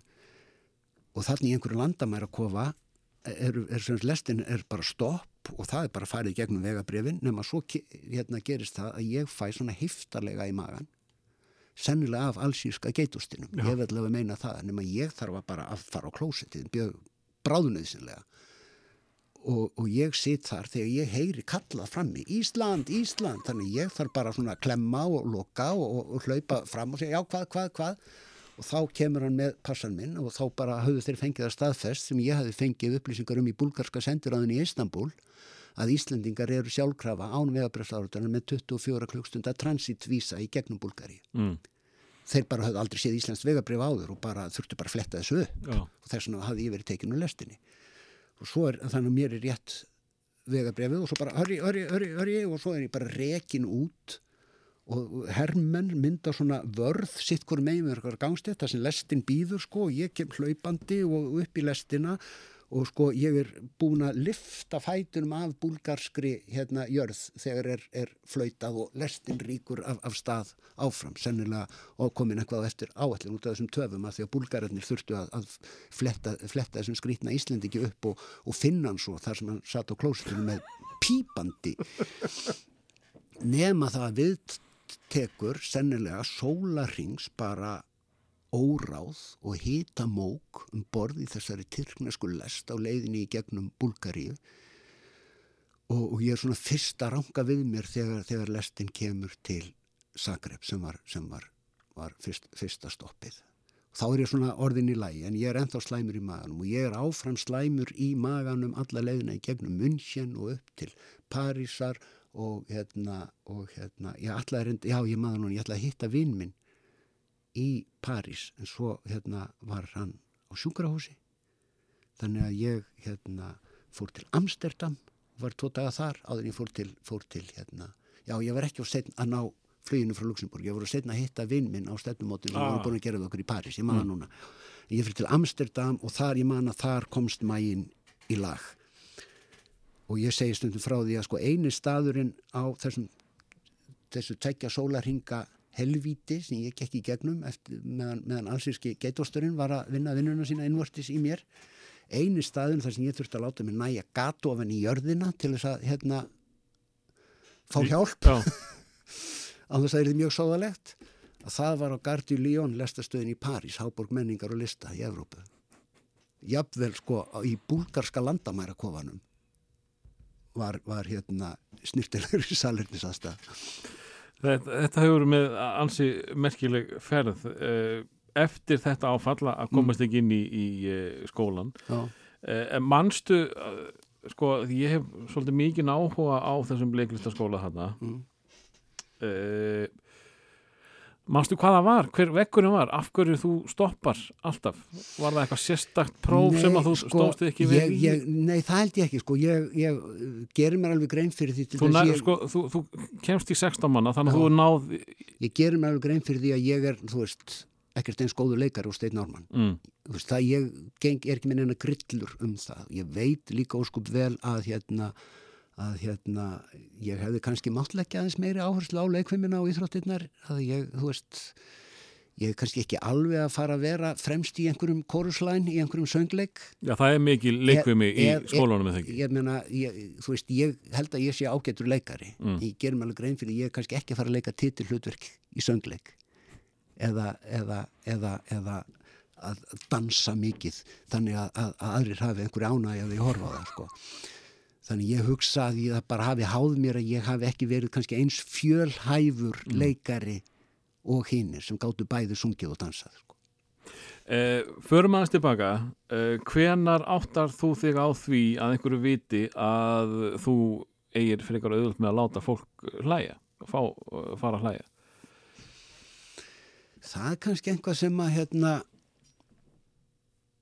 það er sennilega bara um 10-11 ára Já, að hérna, ég var í skátunum og ég byrja sennilega sko minn leiklistarferil bara á kvöldvökum bara með því að, vera með leikþætti og, og skemmtiatrið þar í sem, sem þá þessi skíða- sveitamaður. í, í skíðaferðalögum í, í, í hérna 8. og 9. bekk sko. Mm.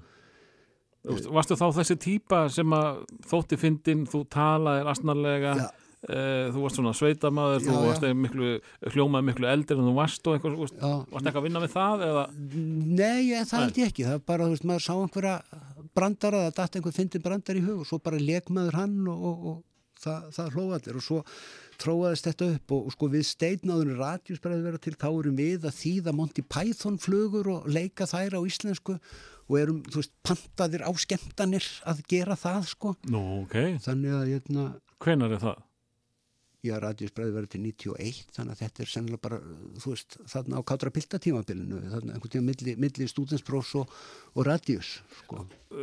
Þú kemur uh, mikið nálagt þessu kátra pilta ævintýrið ekki. Þú varst uh, hilskáld að einhverju, Sko, ég var- ég heyrði allan að söguna þannig. Já, sko, ég var einhvern tíma spilaði ég á píjónu með kátum piltum en ég náttúrulega er engin hljóðfæra leikari miða við hinna sem, sem eru þar og þegar Hjörtur Hásir mætir og vil spila á píjónu með kátum piltum þá er, þú veist, ekkert pláss fyrir mig lengur og ég var ekki einu sinni að halda því til streitun eitt, sko, eða taka það nærri mér.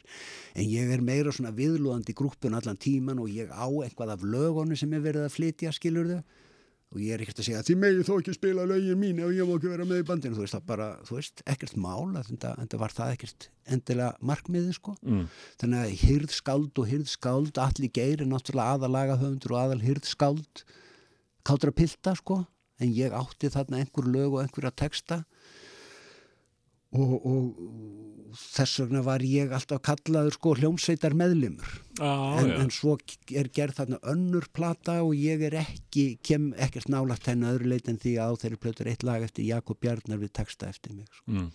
þannig að ég var kannski svona aldrei með mikið meir en annan fótinn í kátum piltum sem starfandi hljómsveit sko. En- en, kátir piltar eru eins og miklu meira en hljómsveit þeir Já. eru líka ákveðin bara að kreðsa af hafðfirskum vitleysingum sem, að, sem að er miklu fjölmennari heldur en, heldur en þeir sem síðan dúk upp á sviði sem, sem hljóðfarleikar Þetta ævintýri í kringum káta pilta, Mm. þetta var pínu æði í einhver tíma. Uh, hvað, hérna, getur einhvað líst í hvernig þetta var í kringum, uh, segjum bara feita konu sem var þeirra stæsti smellur og Já. það var gerð einhvers konar bíómynd já, uh, sem að ekki, fór ekki heilt skonrokk í að sína bara hanna jú ég held það, ég held það. Það var sko, það var þannig ási var að vinna hjá sjónvarpinu og það var verið að skera svo rosalega mikið niður að þeir stóðu bara frammi fyrir því að hérna, þeir voru bara með fólk í vinnu og ekkert fyrir það að gera. mm. Þannig að þú veist, það var alveg sagt að nota liði til þess að framleiða einhvað sem að var ókipis. Þá fær ásið þessu hugmyndi, er ekki hægt að- að nota þetta lið, þú veist, við erum hvort er með, hérna tökum hann og við erum með þetta á vakt að búa til eitthvað skemmtilegt, sko. Og þá talar hann við káta pilta og þeir setjast niður og bara skrifa handrit og skrifa lögin inn í það og svo er bara held ég sko á einhverju metin hvort það voru tveir dagar. Er þetta bara tekið upp og hérna og sínt og hérna náttúrulega ég man að það voru ekkert allir popparar rosalega hrifnir af því að þessir vittlesingar úr hafna fyrir því fengju þetta fengju bara hálftíma, fengju bara þetta æðislega spotlight. Og meðan aðrir sko þurfti að rembast við að sko fá spilun og fá vídjóin sinni sínd eða, eða þú veist gera vídeo sem var rándýrt sem var rándýrt, þá gerðu þessir vitleysingar hálftíma mynd með fjórum eða fimm vídeoum í og einhverjum sko aulabröndurum á milli sko.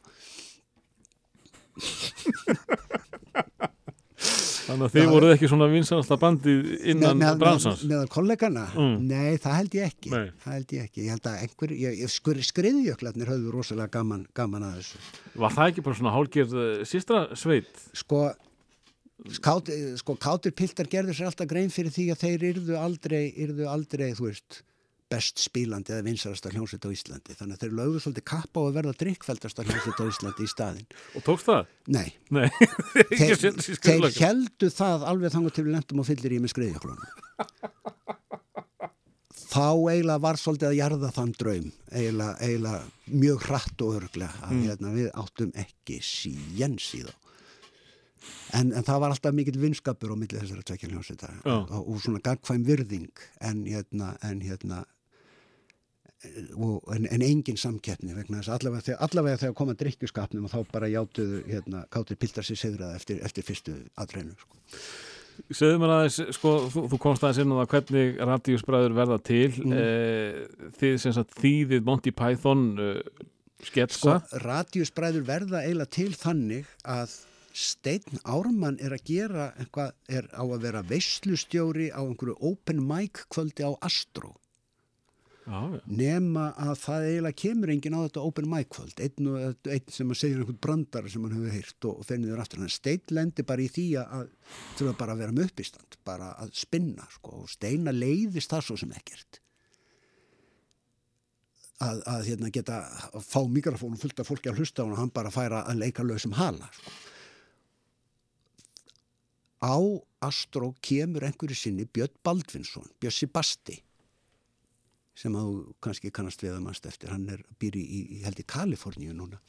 Hann er sonur Baldvins Jónssonar, lambakjöts markaðsetjar og útflytjanda sem á þeim tíma átti og rak aðalstöðina 909 sem þá var í húsi sem nú er búið að rífa á hodni hérna, aðalstrætis og tungutu. Já, var þetta ekki í dugnakonunum beint, fyrst? beint, allavega þegar ég er að vinna á aðalstöðinu þá er, er aðalstöðin þarna á hodninu beint á móti hjálpræðisernum.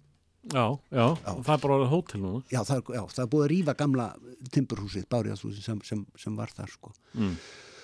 Hann vill endilega fá stein til þess að vera með útvarpsþátt. Já, og steinnenn er ekkert standi því einn og bara sér fyrir sig að bara vinna og handrita skrif og eitthvað, eitthvað svona. Og hann, hann, hérna, hann er til í það með mér að því að ég kann að vélrita og ég nenni þú veist einhver svo liðs sko. það er annars svolítið líkill að persónuleika steins er þetta að hérna að hérna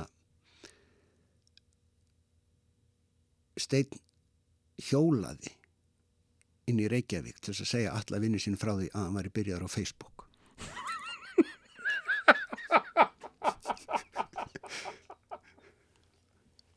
Þe- Þetta er svolítið steinn og tæknin Já. skilur það þegar við vorum á, á, á bylgjunni og vorum með einhvað, einhvað viðmót og einhvað svæði þarna inn og ég nenni ekkert að fara inn á þessu tölvu ég bara opna það bara byrjar á you have 937 unread messages Hva, hvað er það? að hérna einhver tíman þegar við vorum að, að sko náðum ekki stein og vorum búin að ákveða að hafa hljómsveitaræfingu um kvöldið að þá fær einar þessar snildar hugmyndi stein er bóðaður á hljómsveitaræfingu með símskeiti þú veist, stein og tækni er bara einhvað sem, sem Ekki góðu vinni. ekki góðir vinnir sko. Og hérna og hérna þannig að hann er til að fá mig með þetta því hann veit að ég get, þú veist, velritað og sett upp handrit og, og, og hef bara gaman að því sko. Mm.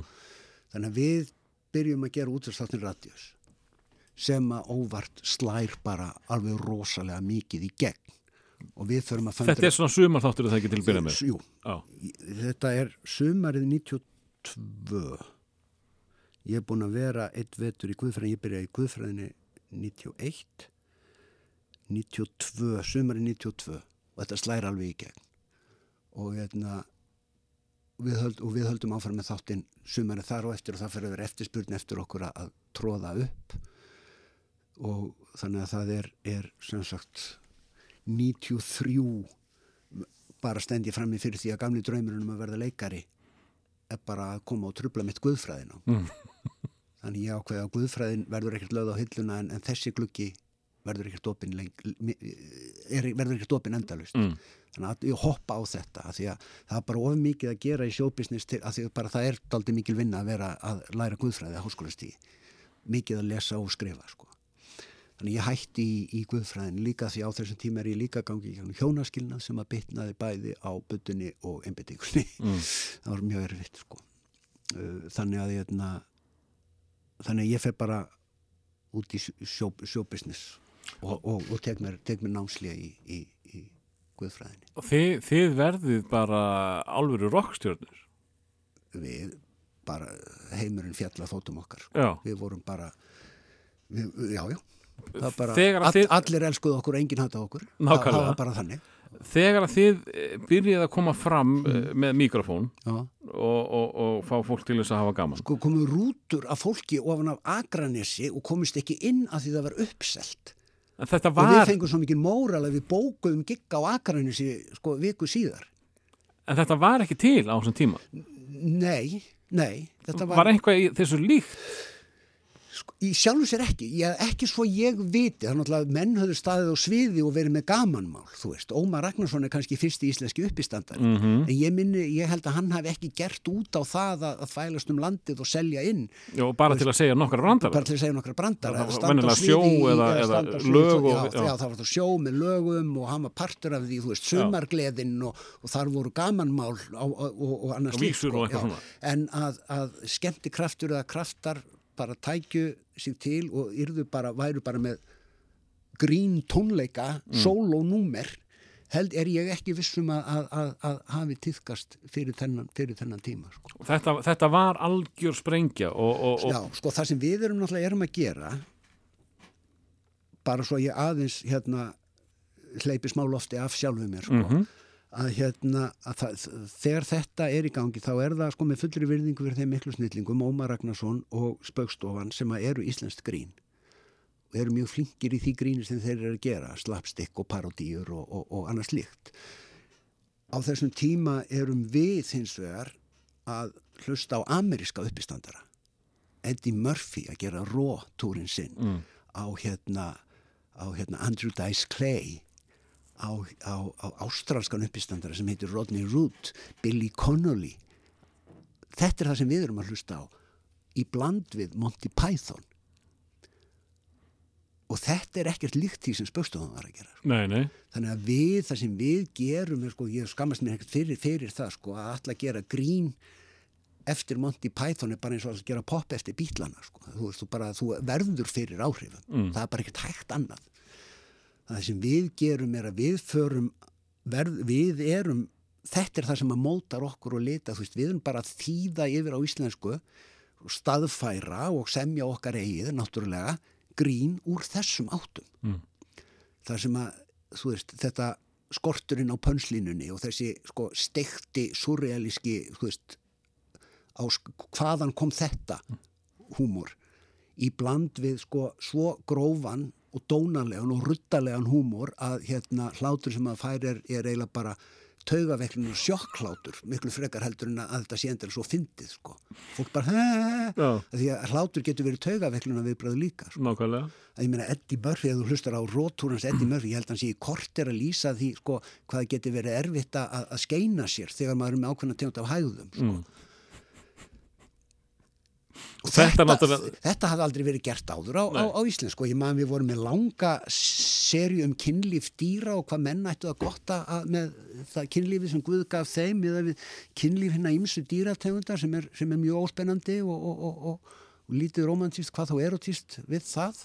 Salamöndrur og fílar, fiskar. Og við, ég vorum ekki með þetta prógram í Keflavík held ég fyrir mentaskóla krakka það byrtist grein í bæjablaðinu þar sem sko var sagt að hérna hinnir svokölluðu skemmtikraftar hefði ekki getað lagslægra þó þeir hefðu gyrt niður um sig og gert stykkin sín á sviðið. Ég, sko, í næsta bæ e, við hliðina e, þið voru fengni til þess að- skemmta á einhverju herrakvöldi hjá Njarvík Já, og uh, það var svona haldið til heiðus svona, ég man eftir þessu aðteki ég veit hvað aðteki þú ætlar að fara að tala um Ef að sleppa þig kannski Nei, sko, þetta atvik og mörg önnur. Ég gæti nefnt uppistand á loka kvöldi KSI líka, mm. þar sem við fórum yfir strikið. En mér til varnar þá er það strik sem að var ósynlegt og einhvern veginn allir vissu af en enginn hafði sagt okkur frá. Hvaða strík var það? Ei, partur, partur af því að þú veist, vera fyndin er að gera grín að einhverjum í krátinu. Mm Þannig að oft þegar við vorum að skemmta svona þá fengum við smá insight hver hvað, þú veist, getum við ekki svona eitthvað aðeins skotið svona þannig að við séum með svona svolítinn innan, innan hús húmor líka sko. Og við áttum kannski bara staðlaða brandara en við bara sögum þá alltaf um Mm. einhvern. Og í þessu tilfelli ákvað steinn að segja ákveðin staðlaðan brandara um heiðurskestin nefnum að í staðin fyrir að fá hlátur fær hann bara sjokk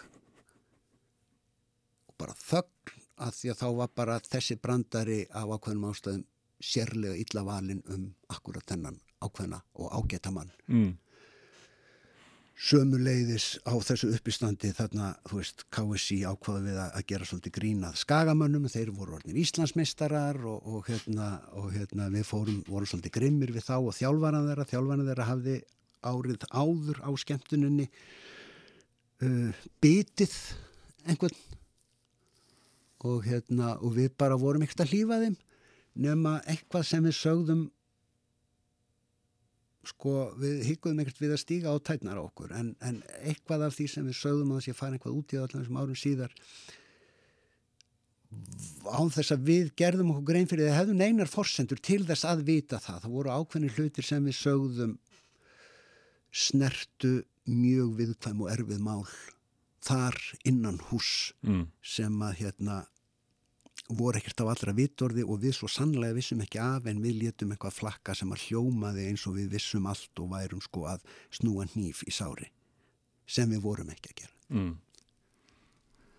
Ómar Ragnarsson hefur sagt frá þessu að hérna, hann var einhvern veginn að skemmta starfsfólki í einhverju virkjun upp, í, upp, upp, á, upp á hálendinu eða eitthvað, eitthvað svo leiðis og hún var sagt að gera endilega grína að matráðskonunni vegna þess að, hérna, vegna þess að, að hún væri ekki alltaf með hérna, ferst hráefni. Þannig að hann samdi gamavísu sem að, og ég mann þetta ennþá, komdu og skoðaði í kistuna mína í kössum og handruðum þar og ég nóg sem mér hafa gefið í minningu sína menn sem á stríðsárum veittu mér frá Já. nema það sem að Ómar hafði náttúrulega enga ástöðis að hafa neina hugmyndum var það að þessi ágæta kona hafði vist verið einhvað orðið við ástandið á sínum tíma sko. Mm. og, og, og, og hún fær sjokk yfir því að sé verið að rifja upp þessa fortið hennar og, og aðstandunur hennar verða bara brjálaður út í Ómar fyrir að vera einhvað að núa þessari góðu og elskuðu og dáðu konu upp úr, upp úr því að hún hafi hérna, þú veist leiðist á glapstugu sem unlingur og óþarf að vera að rifja það einhvað upp. Sem hann var ekkert að gera hann var bara að gera að grína því hvað kjötið í fristikistinu var búið að vera það lengi, skilur en, en, en svona, þú veist, þegar maður er að gera grín þá bara, og, og leifir sér að þú veist, vera frakkur og við náttúrulega, þú veist, alltaf kvarta yfir því að radíus eins, og við sögum einhvern tíðan, sko, að þú, þú gerir grein fyrir með því að panta okkur þú veist, ef þú ætlar að kvarta yfir því sem grófir eða dónalegir, það er svona eins og panta fatafellu og kvarta yfir því og hún fara úr fötunum þú veist, þú veist það, það sem við erum að selja þér er þetta. Já, þú getur ekkert kvartað yfir svikinni vöru ef það er þetta sem þú færð. En þegar þú ert þarna þá er alltaf þessi hætta fyrir hendi að þú ferð of nálagt fólki þú stýður á tána á fólki og þú veist ekki að það er með líkþótt skilur þau og þetta er miklu verra fyrir það en þú gast séð fyrir. En, en mannst eftir einhverju fleiri sko því þið heldur náttúrulega marga tónleika innan gæsalappa á, á þessum tíma. Uh, ánast að vera að stíga og tær mannst eftir einhverju sérstökum uppákomum að því þið voru svo stóri, þið voru Já. bara stærstu rockstjóndunlansins í, í bara einhver ár. Af því þetta var svo nýtt þetta var svo rosalega uh, þetta var svo mikið rock in your face rock já, sko. já, já, já, að, sko það hlýtur að hafa þið hljótið að hafa stuðað fólk já, já, og fólk hefur verið í stuði líka hjá ykkur. Já, já, já, já. Og hérna ég veit svo sem ekki hvort að ég muni eftir einhverjum, einhverjum sérstökum sérstökum atvikum skilur Nei. við, við spilum eftir einu það, er það eru skemmtanir sem að eru þú veist, ógleymanlegar eins og þú veist, þegar við vorum skemmta á, á, á stikkishólmi og ég held að við komið átta. Mm. þannig að við bara handskemmtum þeim við segjum, þú veist, ef við bara að, endurgræðum og segja messufall, við segjum nei við erum bara alveg í stuði við auglistum þetta. Þó að við séum sko ekki að fá fyrir bjórnum að þá hérna eru þessi menn búin að borga sig inn og þeir bara fá, skulu fá sjó. Og svo bara stiltuðu okkur upp og við bara, skemmtikraftarnir voru bara 20% af, af, af þeim sem voru á staðnum. Mm. og við skemmtum þessum áttamanns í tvo tíma bara alveg eins og þeir hefðu verið sko 200 mm. Og það var bara rosalega gaman. Og hérna og það, hvo- hvort það voru 14 á Dalvík sko.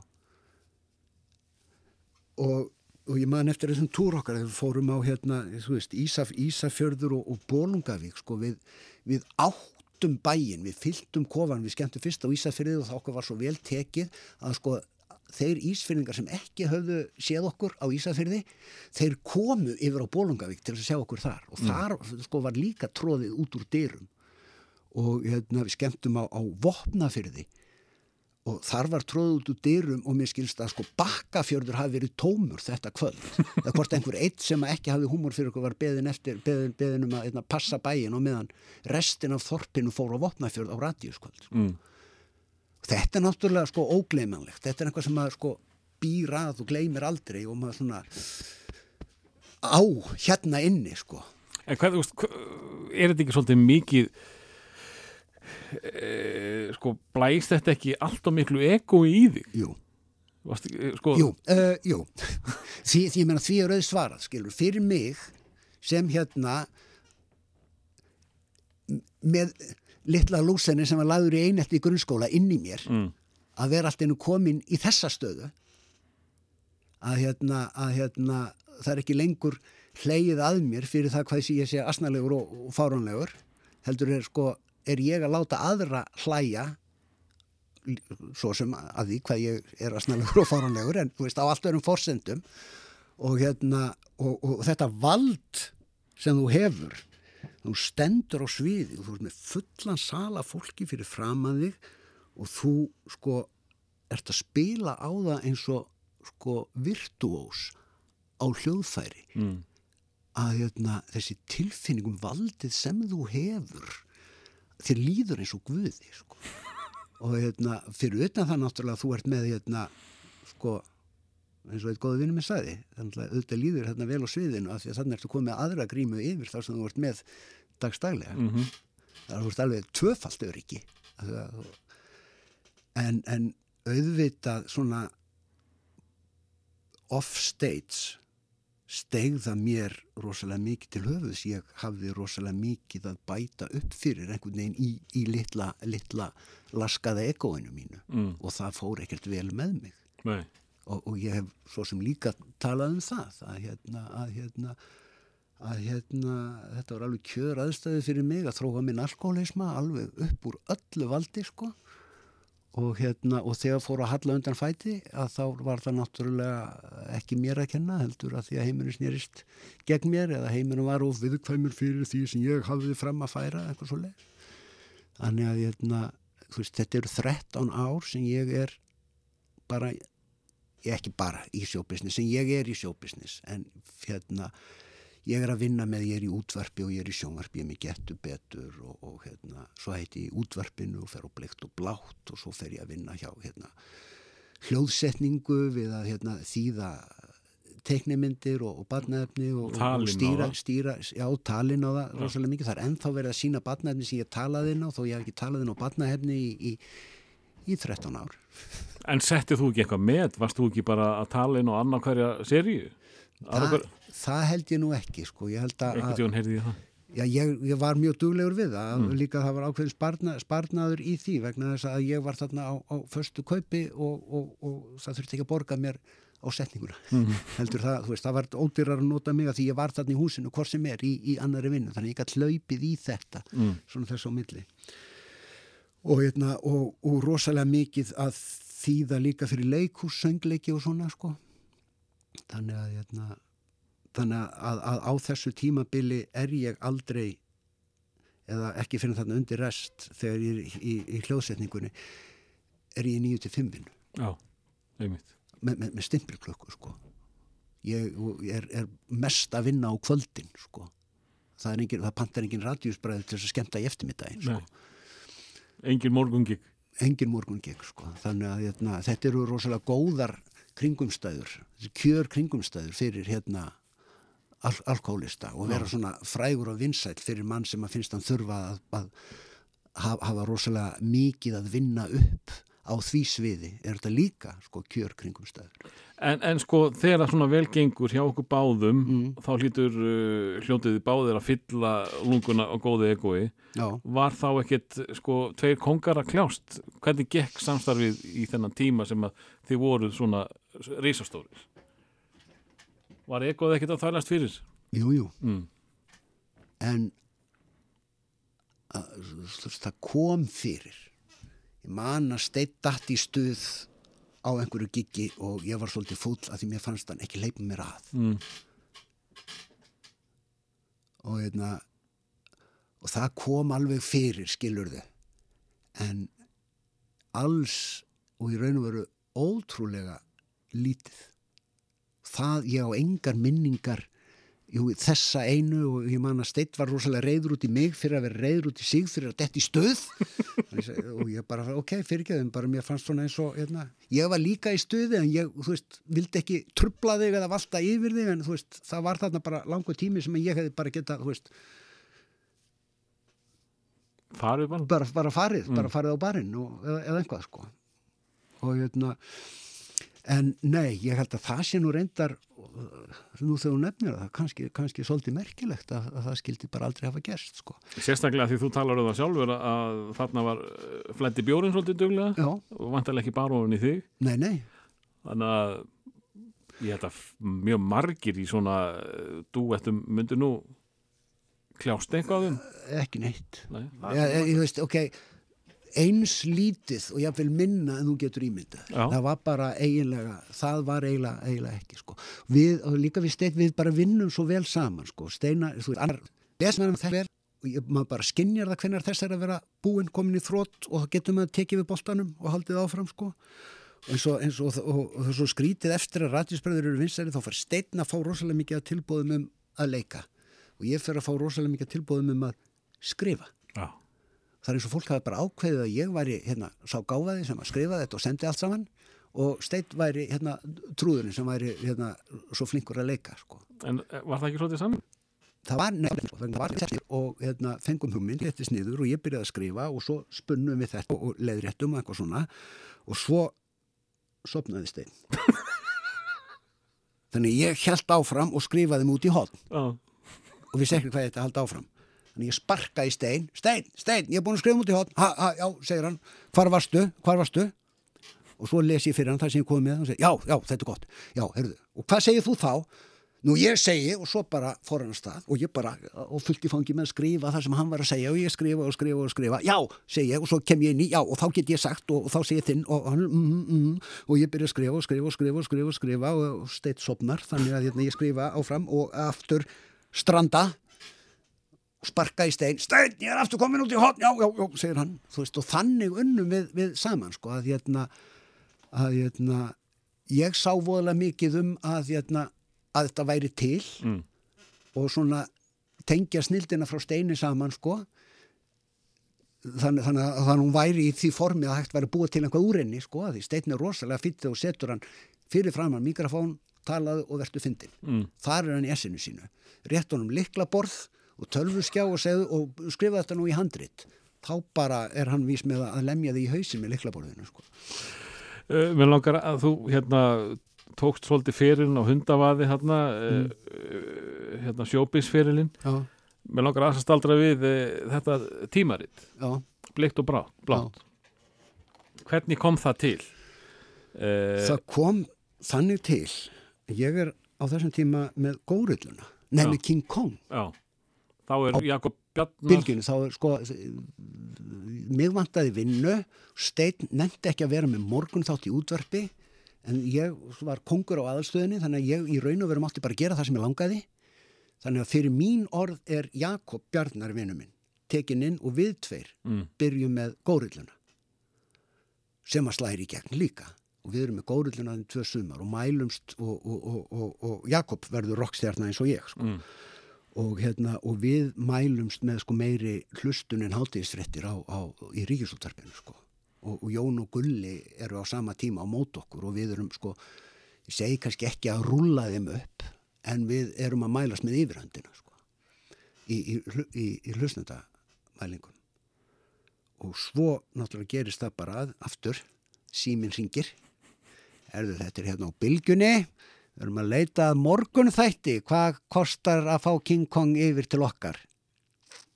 Og við bara förum á fund og við segjum bara við hérna, þeir hjá aðalstöðin eru vinnur okkar, þeir byggja okkur til, þeir uppgötu okkur hafa, hafa gefið okkur alveg frjálsar hendur. Þannig að hérna, við viljum vera þar áfram og þar líður okkur vel. Við erum ekkert að fara að yfirgefa þá fyrir einhverja tíðuskalla í viðbót. Þeir þurfum bara að gera okkur tilbúð og þeir verða að gera okkur tilbúð sem við getum ekki að hafna það því að sko við erum ekkert að fara að, að skipta færa okkur fyrir einhvað aðeins betra. Mm. og sem sagt, án þess að ég fari meira út í það, þá eins og, eins og allir vita, þá endur við á bylgjunni. Ég verð þá að fá að spyrja og hérna, og hérna en hérna, en þegar að þú varst að spyrja um blekt og blátt, Mm. svo ég svari því þarna upplifi ég og ég fattaði ekki fyrir eftir og ég las mig bara til um það algjöra kulnun í, þarna undir, undir það síðasta í, í útvarpinu Mm.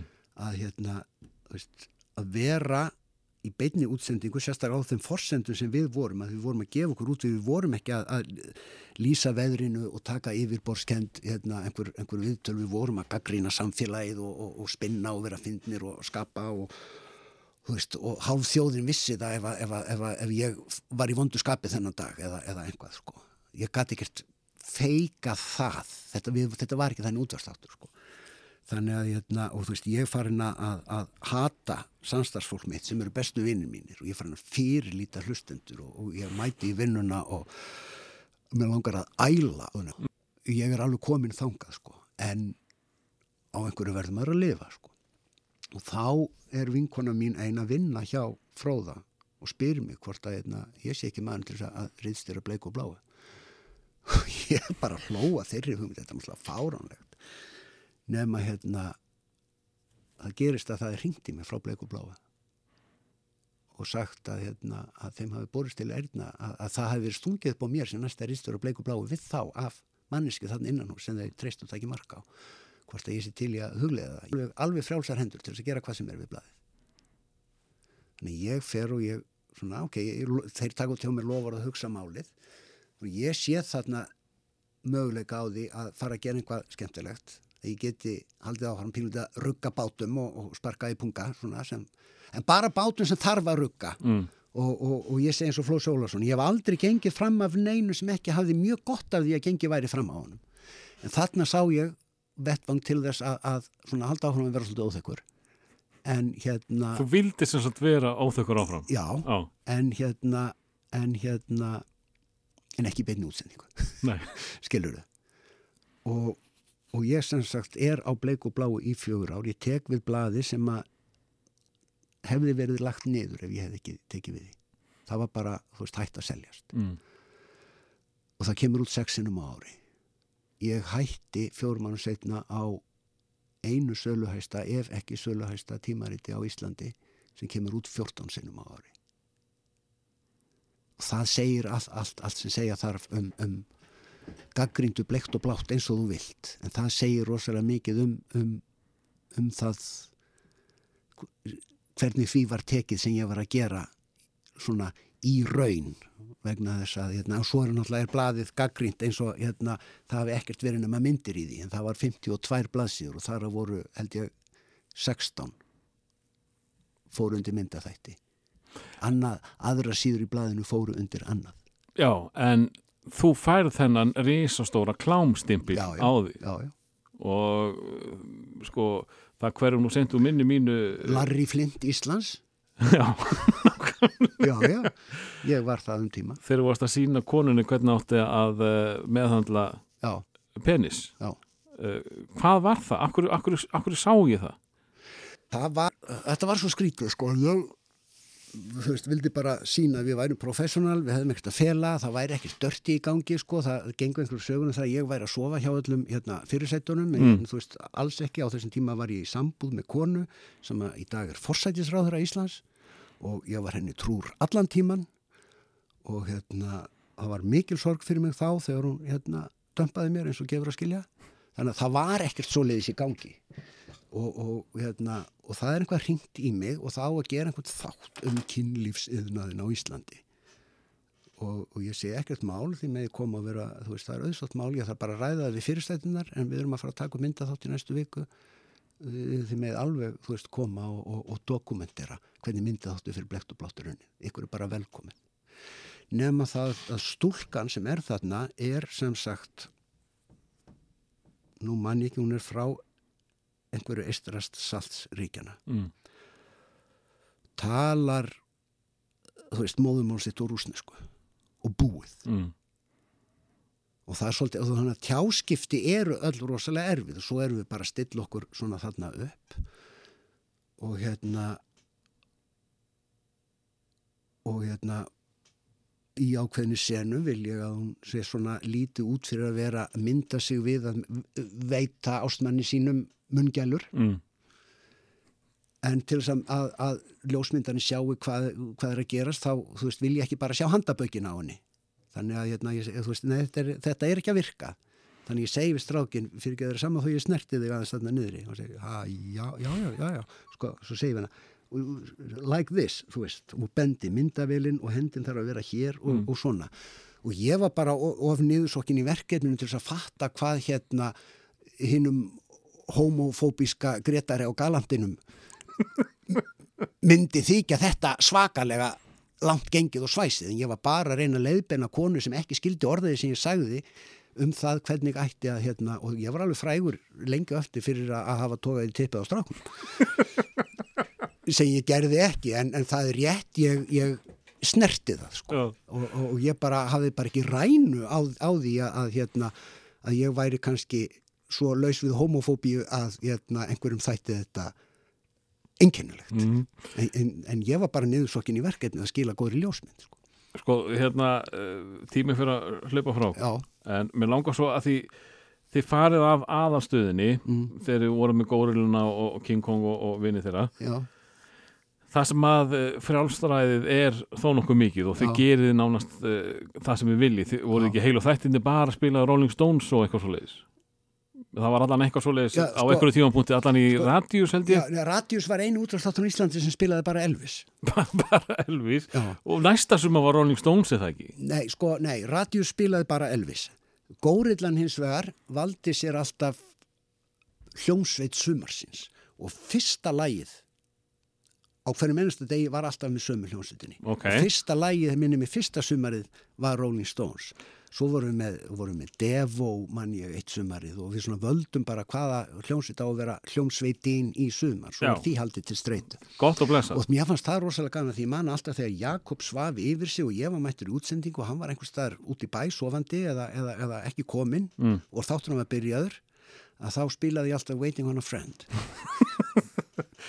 en Bylgjan er ekki þekkt fyrir að uh, sko fara ekki nei. eftir playlista Nei, eða fara eftir einhverjum uh, hugmyndum uh, mannsins sem talar í mikrofónin nei, og bæði það þá voru þið kannski ekki endilega að spila það sem var vinsalast þann daginn Mm. pluss það að þið voru að segja hluti sem er ekki mjög bylgjuvænir. Nei. Hvernig gekk þetta? Fyrir að fyrsta þá vantarlega setti þessar Sko, gröfur það, það, að, það náttúrulega er líka ákveðin ástæði fyrir því að við erum fengnir þarna yfir að, bylgjan ákveður að það sé sénstakandi á okkur. Hún svo það komi nýr dagskostjóri. mm. Hallur Helgason, tómuleikar í gátum piltum. Þannig að við nutum mikillar verndar og velvildar dagskostjórans. mm. Og, ok, og, og, og hann var náttúrulega fenginn þarna inn að því að hlustinu var að dala og þetta þótti á steinrunnið og gamalt og allir voru að hlusta á aðarstöðuna og ekki á hérna hinna, hinna döð, döðhreinsuðu bylgju sem aldrei ruggaði neinum bátum en það, þú veist, voru við að grínast með það hérna. Þekktir fjölmiðlamenn sem hófu ferilsinn á bylgjunni? Mm, mm, já. Já, nei, það er rétt. Þeir eru ekki til bylgjan tekur aldrei séns. Mm. þegar vantar, vantar hérna, dagskvækjarðan á bylgjuna, hvað gerir dagskvækstjóri bylgjunar, hann hlustar á hinnastöðunar og segja, þessi góður, þessi góður, þessi góður, þá þennan. Og svo er bara, er bara bóðið hérna eins og þegar stöðu tvö á stofnu viltu koma, ég borgaði tvöfaldan sem þú ert með núna. Og þú veist, annars að spyrja hvað þú ert með núna bara að því að, veist, það vill til að, að, að við eigum peninga eins og skýt Þetta er eh, ágætis útskýring á uh, þessu. Ég, ég, mér er alltaf langar að spyrja þessu, en uh, Hallur er náttúrulega svarið við söllu saman. að endingu Já, verði ég að fá að spyrja þig út í guðfræðina. Uh, það sem þú hefur verið að tala um sem úlingur, barn og okkur þú hefur aldrei verið að tala um neina guðhæslu eða, eða bara guð hefur ekki komið til tals. nei. Þú ferð sem svona stálpár úlingur fyrst, Ég er, já, ég er 26 ára. þú ert ánum svo gammal. Já, Ok. þegar, ég þegar ég byrjaði Guðfræðinni. Og hvað leiðið þið þangað? Þá er ég komin á þann stað í minni, andle, í mínu andlega lífi og minni svona andlegu leit. Ég sko, ég hef alltaf verið rosalega andlega og siðferðislega þengjandi. Mm. Og hérna, sem unglingur á bólakafi í, í, í hérna, stjörnuspeki og, og nýjaldarfræðum. Þetta er ekki mjög guðlegt. Nei, en þú veist, og, en þá, ég menn það var eitthvað sem hétt mækulfræði sem að heitlaði mig, það er einhver svona sálnaknippi sem að koma til jarðar og taka sér bólfestu og þú ert að finna hvers konar persóna þú ert, sko. Ég var á bólakafi í þessu nýjaldar dóti, sko. Hvenær kemur það? Þetta er late 80s, Já, skilur þú ert þá ennþá, en, ennþá úlingur. Já, ég er, já, Já. já, ég er svona, ég, ég er, er 20 85 Já, ok. Ég byrja í, í Guðfræðinni 91 Já. sko. þannig að, að, að þannig að í áránum fram að þessu og svo verð ég sko kynnist ég þessari konu og ég verð atvinnulaus eða ekki, í, í, jú, ég þessari konu og ég verð atvinnulaus og við höfum hún á batni og ég flý til Svíþjóðar vinn þar í, í, í, í eitt ár sem kokkur á, á, á náttúrulækningahæli og kynnist anthroposófískum uh, hérna, svona Waldorf fræðum Þekkið það ekki, en allt er góða. það eru reknir, samkvæmt þessari uppeldi stefni það eru reknir tveir skólar eða þrýr hérna á Íslandi sem heita Waldorf skólar Mm. í lækjabotnum og, og, og fleiri stöðum og hérna, og ég verð svolítið heitlaður af- hérna Theosophy Rudolf Steiner þegar hérna við ákveðum að okkur líka ekki við Svíþjóð, það er bara, það er ekki rétt að vera og við eigum ekkert bakland og það er líka erfitt að vera þar, þannig að við komum heim það farið að horfa betur til og ég fæ pláss, pláss á, á línu viðbátt Mm. og það er eiginlega að þar sem að hérna, sem að svona kannski ég vakna til svona trúar þannig séð að hérna að hugsanlega setja allt sko sami grautur í, í sömu skál og það sé bara sem, sem, að, sem að er síðan bara skólinan guðfræðinar sem, að, sem er, sem er hérna svo kölluð hérna inklúsív guðfræði kalla sem þýðir að, hérna, að trúarbrögð og, og, og trúarleg tjáning þetta er bara mismunandi menningarleg viðbrögð við sama guðlega sannleikanum sem, a, sem að hver maður og hver menningarheimur bregst við sá, á, sín, sínum, á sínum eigin forsendum og samkvæmt sínum eigin reglum og úr því verður allur þessi, þessi, þessi árekstur.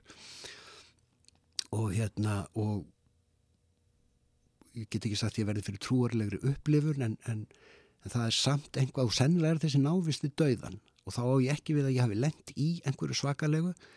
En þú veist þegar þú hallar til kóju eftir vakt á dekkið sem að sko þú þurftir að milja grílukertin úr skekkinu á þér skilur þau og þú veist að það er bara þilið á milli þín og dauðan og þú ert ein- eigin getu eða máttar. Þetta er, er eins ólífanlegt umhverfi fyrir dýrið þig og hugsa skettur og svo ferðu á, á, á dekk og, og það myndast klakar í, í skekkjun á þér og, og það er eitthvað kvikt á hverju játni, ef það er ekki fiskur þá er það kórall eða, eða krossfiskur eða þari eða eitthvað sko og jafnvel þarna yðar jörðin af lífi og það er einhvern veginn þyrmdi það yfir mig að hérna en varum leið komin á þennan stað eins og, eins, eins og ég sagði að, að þessar spurningar um, um hinstu rauk tilverunar Mm. eða, eða, eða hérna lífið alheiminn og allt það að hérna að hérna að ég svona þurfti, þær vorunar það ágengar að ég þurfti að fá pláss til þess að, hérna glíma við þær. Og þær voru líka orðnar það flóknar að ég þurfti hjálp til þess. Þannig að sko í staðin fyrir að vera þú veist, byrja bara á startlínunni í minni andlegu leið eða minni andlegu leið, hvernig væri að þú veist, kynna sér hvað menn hafa verið að hugsa og pæla og spá í þessum efnum fram að mér, svo ég geti þá sko frekar tekið við keflinu af þeim heldur en að vera að reyna að hlaupa þá uppi. Þannig að þetta var kannski meira forvitni. Allir, allir, sko, allir miklir vísindamenn og snillingar hafa talað um það að þeir standi á öxlunum og risum. Mm. og, það, og ég allavega í minni andlegu leið ákvað að fara það Far, fara þá leið og svo komst ég að því að, hérna, að, hérna, ég hef kannski svolítið verið að spyrja vittlisu spurningana sko. en, en, en þannig fór ég út í guðfræðina. Þannig leittist ég út í, út í guðfræðina og það var rosalega heillandi og, og, og spennandi. Allar er endur upplega að skrá mig í íslensku en einhvern veginn að því ég var þannig stemtur þegar ég var að skrá mig í íslenskuna að þá las ég listan yfir námsframbóði í guðfræði sem hérna deild 01 í háskólanum. Ég fannst það reyndar svolítið langsótt að fara í guðfræði en mér bara fannst það miklu meira spennandi.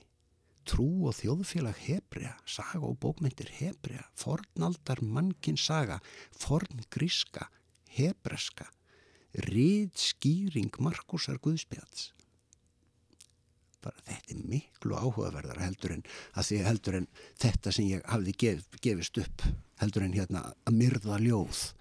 Ég er nefnilega mann sko, svo stert eftir því þegar að þið komið fram á, á sjónasöðu mm. Að okkur fannst svo magnað að þessi grínkall Mm.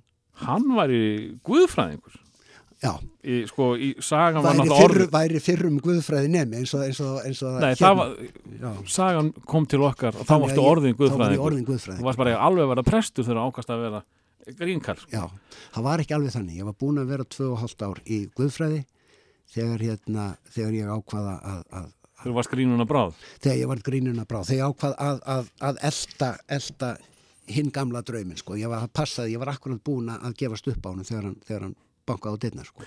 þá var ég að spyrja aftur Já, hvað gerist, akkur ákveður síðan að klára þetta og, og ert prestur í dag af því, það, það gerist þannig að síðan lendi ég í og, og, mér, ég skal segja frá því stuttumál, mér langar ekki að tala um það samt. okay. að hérna ég gerst upp á lífi mínu að ég finn það bara, ég hef enga stjórn á því ég er orðin óvinnufær vegna alkoholisma Mm. ég get ekki annað en bara horst í augu við það hendi mér á vóg og hérna fæ smá von þar fer síðan á staðafell þar sem ég verð fyrir pínlitið svona trúarlegri upplifun og, og fæða mjög stert á tilfinninguna að líf mitt þjóni tilgangi, ég hafi enn einhvað að gefa og þessi reynsla mín sé kannski mjög dýrmætt eign fyrir einhvað starra.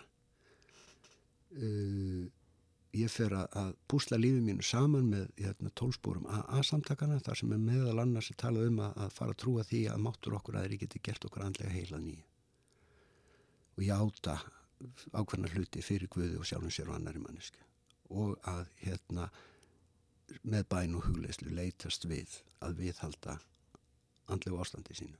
Þetta fyrir ég að gera saminsku samlega fyrst bara í panik af því að hérna, það rann upp fyrir mér ljós að ég var að róa lífröður fyrir geðheilsu minni. Að hérna, ég hafði verið í einhverju ég segi ekki geðrófs ástandi að virðingu við fólk sem að þekkir það en ég gætt hort tilbaka og áttum á því að ég hafði verið að taka ákvarðanir sem að meikuði ekkert sens sem engin maður með sko hilbriða dómgreind hefði látið sér þetta í huga að gera gegnum þá vinnu alla saman verður trú mín miklu eila persónlegri en hún var áður. Minn Guð hafi alltaf verið svona frekar fjarlægur og, og hérna svona ópersónulegur. Alltaf fyrir við að fyrir að hugra alltaf fyrir mér vitundar sambandi við Guð eins og talaður um í spórunum og hvað er það?